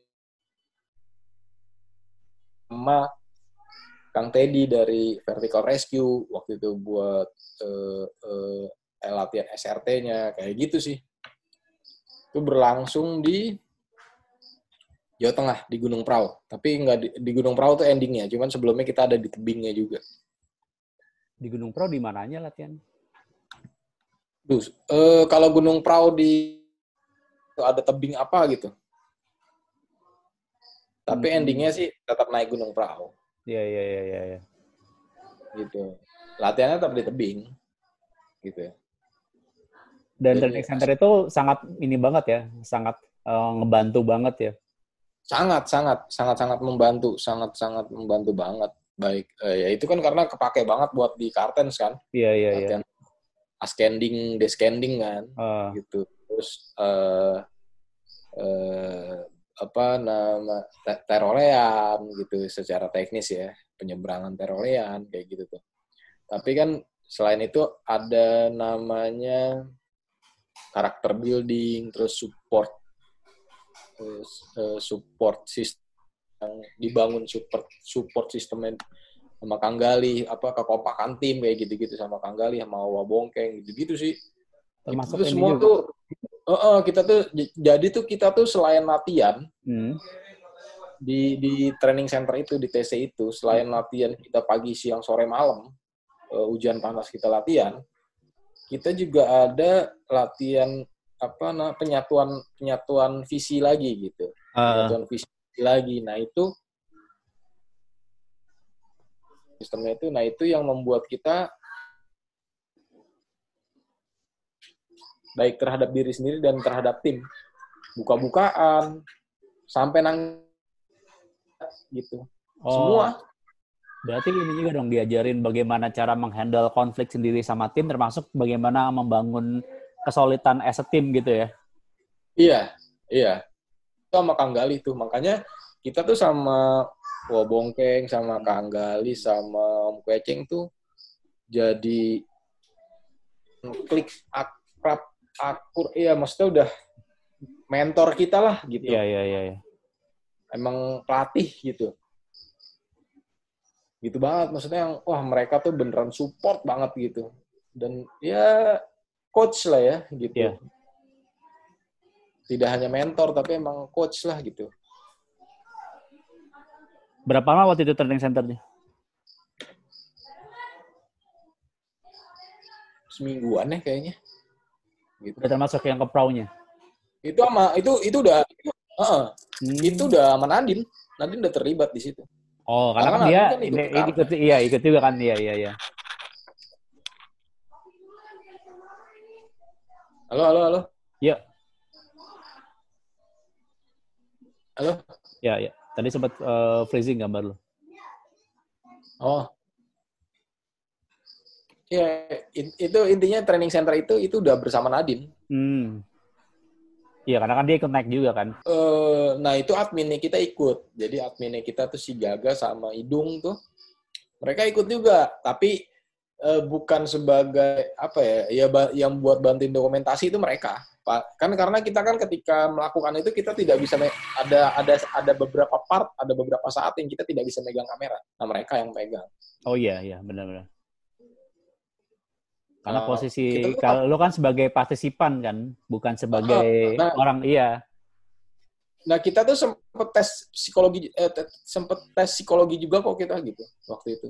Hmm. buat nentuin apa buat ngelihat eh, eh, apa ya apa ya sisi sisi apa ya baik personal dan tim gitu loh ngelihatnya anak ini nih kayak gimana sih eh, sifatnya anak ini gitu? Karakternya tuh kayak apa sih kalau di gunung tuh? Nah itu kita sempat sama psikolog juga kita.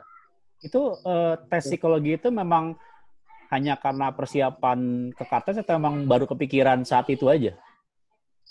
buat persiapan ke Kartens dan itu bagian dari apa ya? Eh bagian dari latihan sih sebenarnya gitu. Iya, iya, iya.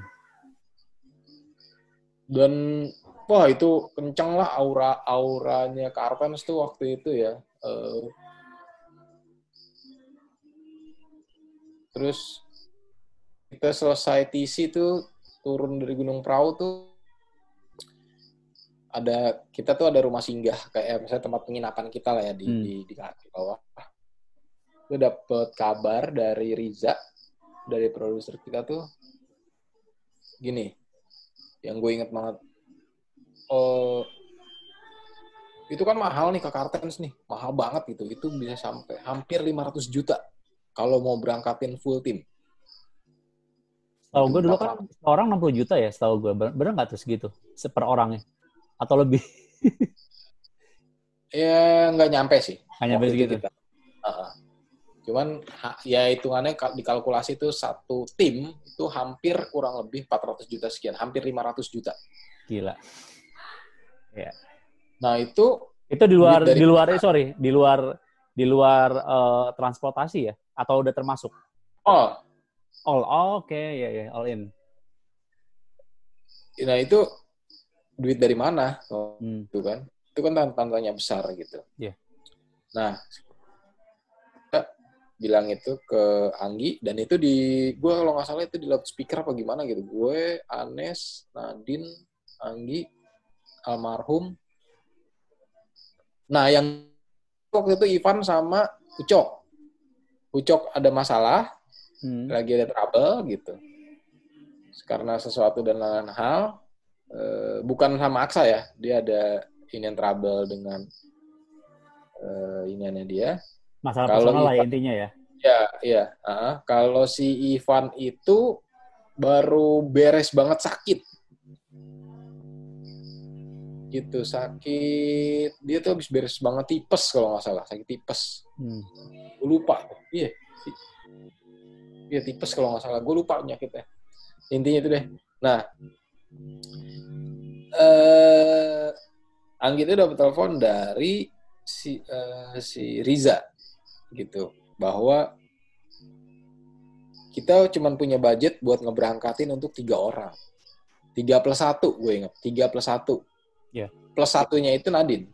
Tiga orang dari- tim plus satu Nadine. Wah, stoker kalau dapat gitu. Waduh, kok beritanya kayak gini gitu. Nggak enak banget. Oh iya, nah itu kan teman-teman kan mana nggak terima kan maksudnya gila kita ngejalanin ini dari awal tuh sama-sama kenapa saat ini kita harus dipecah-pecah kayak Iya. gitu. Nah itu banyak yang tidak terima saat itu sih gitu. Hmm. Nah yang pada akhir eh, yang akhirnya itu membuat panas lagi sendiri suasana itu bola panas lagi gitu. Menimbulkan Antara konflik kita- apa? Konflik baru lagi ya. Mm-mm, konflik baru antara kita dan Riza dan Cumit juga gitu karena Cumit kan ya Cumit maksudnya sih gue udah ngebantuin Riza nih. Eh Iya. Riza udah ngebantuin kita. Lo hormatin dong lo hargain gitu. Tapi kan sebagian di kita adalah lebih yang kayak gimana ya? Eh, eh, kita nih dari awal ngerjain ini sama-sama loh gitu. Kalau emang mau berangkat ya berangkat semua. Kalau emang tidak ya tidak aja semua gitu. Sampai duitnya cukup dulu gitu. Maksudnya gitu waktu itu persepsinya. Nah ini kayak ada beda persepsi. Padahal kita tuh di atas gunung udah nangis-nangisan, turun begitu lagi tuh. Oh itu, oh itu kusut sih ya, saat itu tuh. Kalau udah ngomongin budget tuh kusut sekusut-kusut itu waktu itu tuh. Dan ada momen tuh kita meeting di udah nyampe Jakarta nih, kita meeting nih. Ini full tim nih meet- meeting nih. Meeting full tim tuh sampai yang gebrakan meja kali ya, Yanes ya, bahasa kasar ya. Wah, udah sampai tunjuk-tunjukkan. Wah, pokoknya intinya buat ke intinya berangkat itu harus full tim. Sebagian teman-teman tuh bilangnya gitu, tapi ini lu kalau mau tetap berangkat ya nggak bisa full tim gitu. Kalau wah tuh konfliknya gawat sih gitu. Kalau udah ngomongin budget tuh wah udah Sensitif banget. gitu ya. Heeh, sensitif, pusing gitu. Teknis aja pusing lo mikirin teknis gitu. Iya, iya. Apalagi ini jumlahnya juga gede banget. Iya, nah dari gue aja waktu itu ngomongin teknis. Nah, di situlah gue bilang gue Anes tuh udah udah nguru Anes tuh udah ngurusin genset sendiri tuh. Iya. Jadi kita tuh punya genset dari awal tuh satu tuh Hmm. genset dua tak lah kita bilang lah ya. Itu cuma sampai gunung ke-6 tau gak? Buat Kartens, kita ngajuin genset lagi. Sendiri. Anes tuh nanti yang inilah. Pokoknya genset baru lah. Gitu. Gue lupa permasalahannya apa kalau waktu itu kenapa kita genset baru. Akhirnya genset baru. Nggak Terus? itu. Hmm, terus si Ivan itu pokoknya eh, sam, sa- eh, ngurusin apa ya Nes? Gue lupa deh kalau Ivan deh. Pokoknya itu kita udah bagi-bagi tugas intinya. Oh Ivan ngurusin konsumsi, konsumsi Ivan. Teguh sama Cumi tuh mikirin konten berdua tuh, konten. Nah Yogi mikirin ini apa P3K gitu. Yogi tuh masih belum tahu nih antara ikut atau tidak gitu. Tapi dia tetap eh, bantuin tuh di P3K. Gue di alat peralatan. Wah, ribet tuh peralatan tuh. Iya, wah gila, kacau banget deh. Gue bilang, gue har kan kita berenam, tujuh sama Nadit, apa nama Kueceng, sama Kueceng itu kan. Hmm. Eh, iya delapan nama Kueceng. Siapa lagi ya waktu itu ya Nes ya? Dresir. Oh enggak enggak, itu Desir kan Desir kan jatuhnya operator sama Pak Haji. Oh. Nah, gue itu harus harus nyari peralatan 8 set. Gue harus nyari peralatan untuk 8 orang, 8 set. Peralatan teknis ya, peralatan teknikal maksud gue. Oh, yang buat eh, climbingnya ya. Mm-mm, mm-mm. Gitu. Nah, belum alat. eh eh, jadi nih buat Cartens itu tuh gue ada permajaan alat di kita. Permajaan alat dulu. Per- terutama pe- permajaan alat eh, mountaineering itu ada peremajaan alat karena kayak tenda tuh yang yang udah kita pakai selama enam gunung itu tidak mungkin kita bawa ke cartons. Sleeping bag itu ada peremajaan lagi, jaket, terus eh, beberapa part lah intinya kayak gitu tuh. Itu mengingat emang keadaan kondisi Karten emang secara secara iklim suhu beda sama gunung lain, makanya harus ada peremajaan alat. Benar, benar. Dan itu emang udah eh, eh, dibantu, maksudnya sama Eger udah, udah kita udah bilang gitu. Iya, Hmm. ntar, eh, di, di ini aja di di, di Di, upgrade. ya, upgrade. Mereka udah ngerti lah ya lo butuhnya apa ya kalau untuk ke Karten ya. Udah, udah, udah. Nah, di situ untungnya jadi secara budget tuh eh secara peralatan untungnya dibantu lagi sama Nadine Hmm. gitu. Nadine kan waktu itu masih jadi brand ambassador Eiger kan. Ah. Buat tim eh, buat tim atau personal alat, alatnya apalagi yang kurang sini gue bantu gitu. Nadine masih punya jatah lah gitu. Intinya jatah di kita tuh udah udah limit. Nah, Nadine tuh masih punya jatah gitu. Dibantu lagi sama Nadine gitu lah. Karena Hmm. gue kebetulan gue yang ngurusin waktu itu Eiger kan. Nah, selain itu aparel, aparel itu uh, full Eiger tuh. Tadinya kan masih acak-acakan kan. Iya, iya, iya. sama gunung. Nah ini full dari ujung kepala sampai ujung kaki tuh Eiger full gitu. Jadi eh, ke mana-mana tuh kamera ke mana tuh udah dan itu kan emang emang nih part cartons ini nih secara konten nih apa namanya eh, agak lebih besar lah prosentasenya dibanding enam gunung yang kemarin. Iya. Gitu. Gunung penutup kan soalnya kan. Ah, ah. Eh, nah udah gitu eh, eh, eh, misalnya ada brand lain Hmm. yang bukan Eiger itu harus kita tutup gitu Oh. Kayak misalnya nih eh, itu ya intinya harus kita cover lah kayak kayak gue tuh sempat pak gue tuh carrier gue tuh pakainya waktu itu ini apa namanya eh, Osprey Iya. karena Eiger gue nyari saat, saat itu itu yang ukuran eh, eh, eh, yang gue cari tuh nggak ada adanya ukuran-ukuran besar gitu Nah, Hmm. akhirnya gue tutup lah pakai bendera Indonesia gitu. Maksudnya biar netral lah. Iya, iya. Biar nggak kelihatan tulisan Osprey-nya gitu ya. hmm, kayak gitu. Terus selain itu lagi ya? Eh ah, alat. Alat tuh gue harus minjem ke tiga tempat waktu itu. Eh satu dua tiga ya tiga tempat nggak salah. Eh empat lah. Gitu. Jadi gue kulonuan tuh gue tuh ke Wabongkeng gue pinjem alatnya gitu Kang Mamai. Wah senior senior itu tuh gue kayak pinjem. Terus ada dari teman-teman ke apa ke teman-teman di Wanadri terus ada teman-teman ke Vertical Rescue gitu pinjem. Buat ngelengkapin tujuh set loh. Eh Delapan. delapan set. Heeh, terus sama teman gue lagi gitu. Teman gue juga lumayan lengkap alatnya gitu, punya personal. Eh, udah tuh motor tuh gue tuh. Nah itu lu ba- untungnya gue dibantuin sama satu teman gue sama sama Idung teman gue anak Bandung. Ya itu yang salah satu adminnya Aksa itu bantuin karena banyak banget gitu alatnya. Dan gue tuh harus ngelis satu-satu gitu. Si karabiner ini dari eh, ini eh, berapa karabiner terus tipenya yang kayak gimana. Ini kan harus gue apalin nih semua nih. Iya, harnessnya. Bobin, iya, Satu orang aja tuh udah udah banyak loh Oh, perlengkapannya. iya. Iya, dan itu udah gua set. Jadi udah gua set nih buat satu orang. Hmm. Sekian nih, set. Dah, bisa. Nah, nih gua gua catat tuh. Oh, itu lang detail banget dan itu cilot sangat sangat berisik cerewet sama gue di situ tuh. Iya. Karena nih berhubungannya sama alat orang kan. Dan, Dan safety safety lu juga sama tim. Heeh. Heeh. Eh, banyak dari helm, harness, kostel, bekal, ah semuanya tuh. Jadi kayak lo Ah, data ini standing. pinjaman siapa, jadi kayak ada ada ada datanya dan mungkin Iya. kayak di labelin atau apa gitu kan. Heeh, heeh.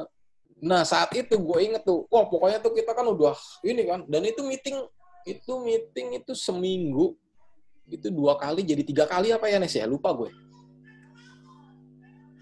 Udah mendekati itu, Hmm. eh, dua kali lah pokoknya tuh. Nah itu gue, lo bayanginnya gue tuh eh, eh, dalam satu minggu itu bisa ke Bandung, Jakarta Bandung itu bisa tiga kali, atau empat kali kali. Jadi malam ini berangkat ke Bandung, besok pagi udah balik lagi Jakarta. Wah udah riuh lah bagi-bagi tugasnya waktu itu. Saat itu ya gue. Hmm. Nggak tahu kalau Anes tuh, pokoknya kita tuh semua ribet lah zaman itu tuh.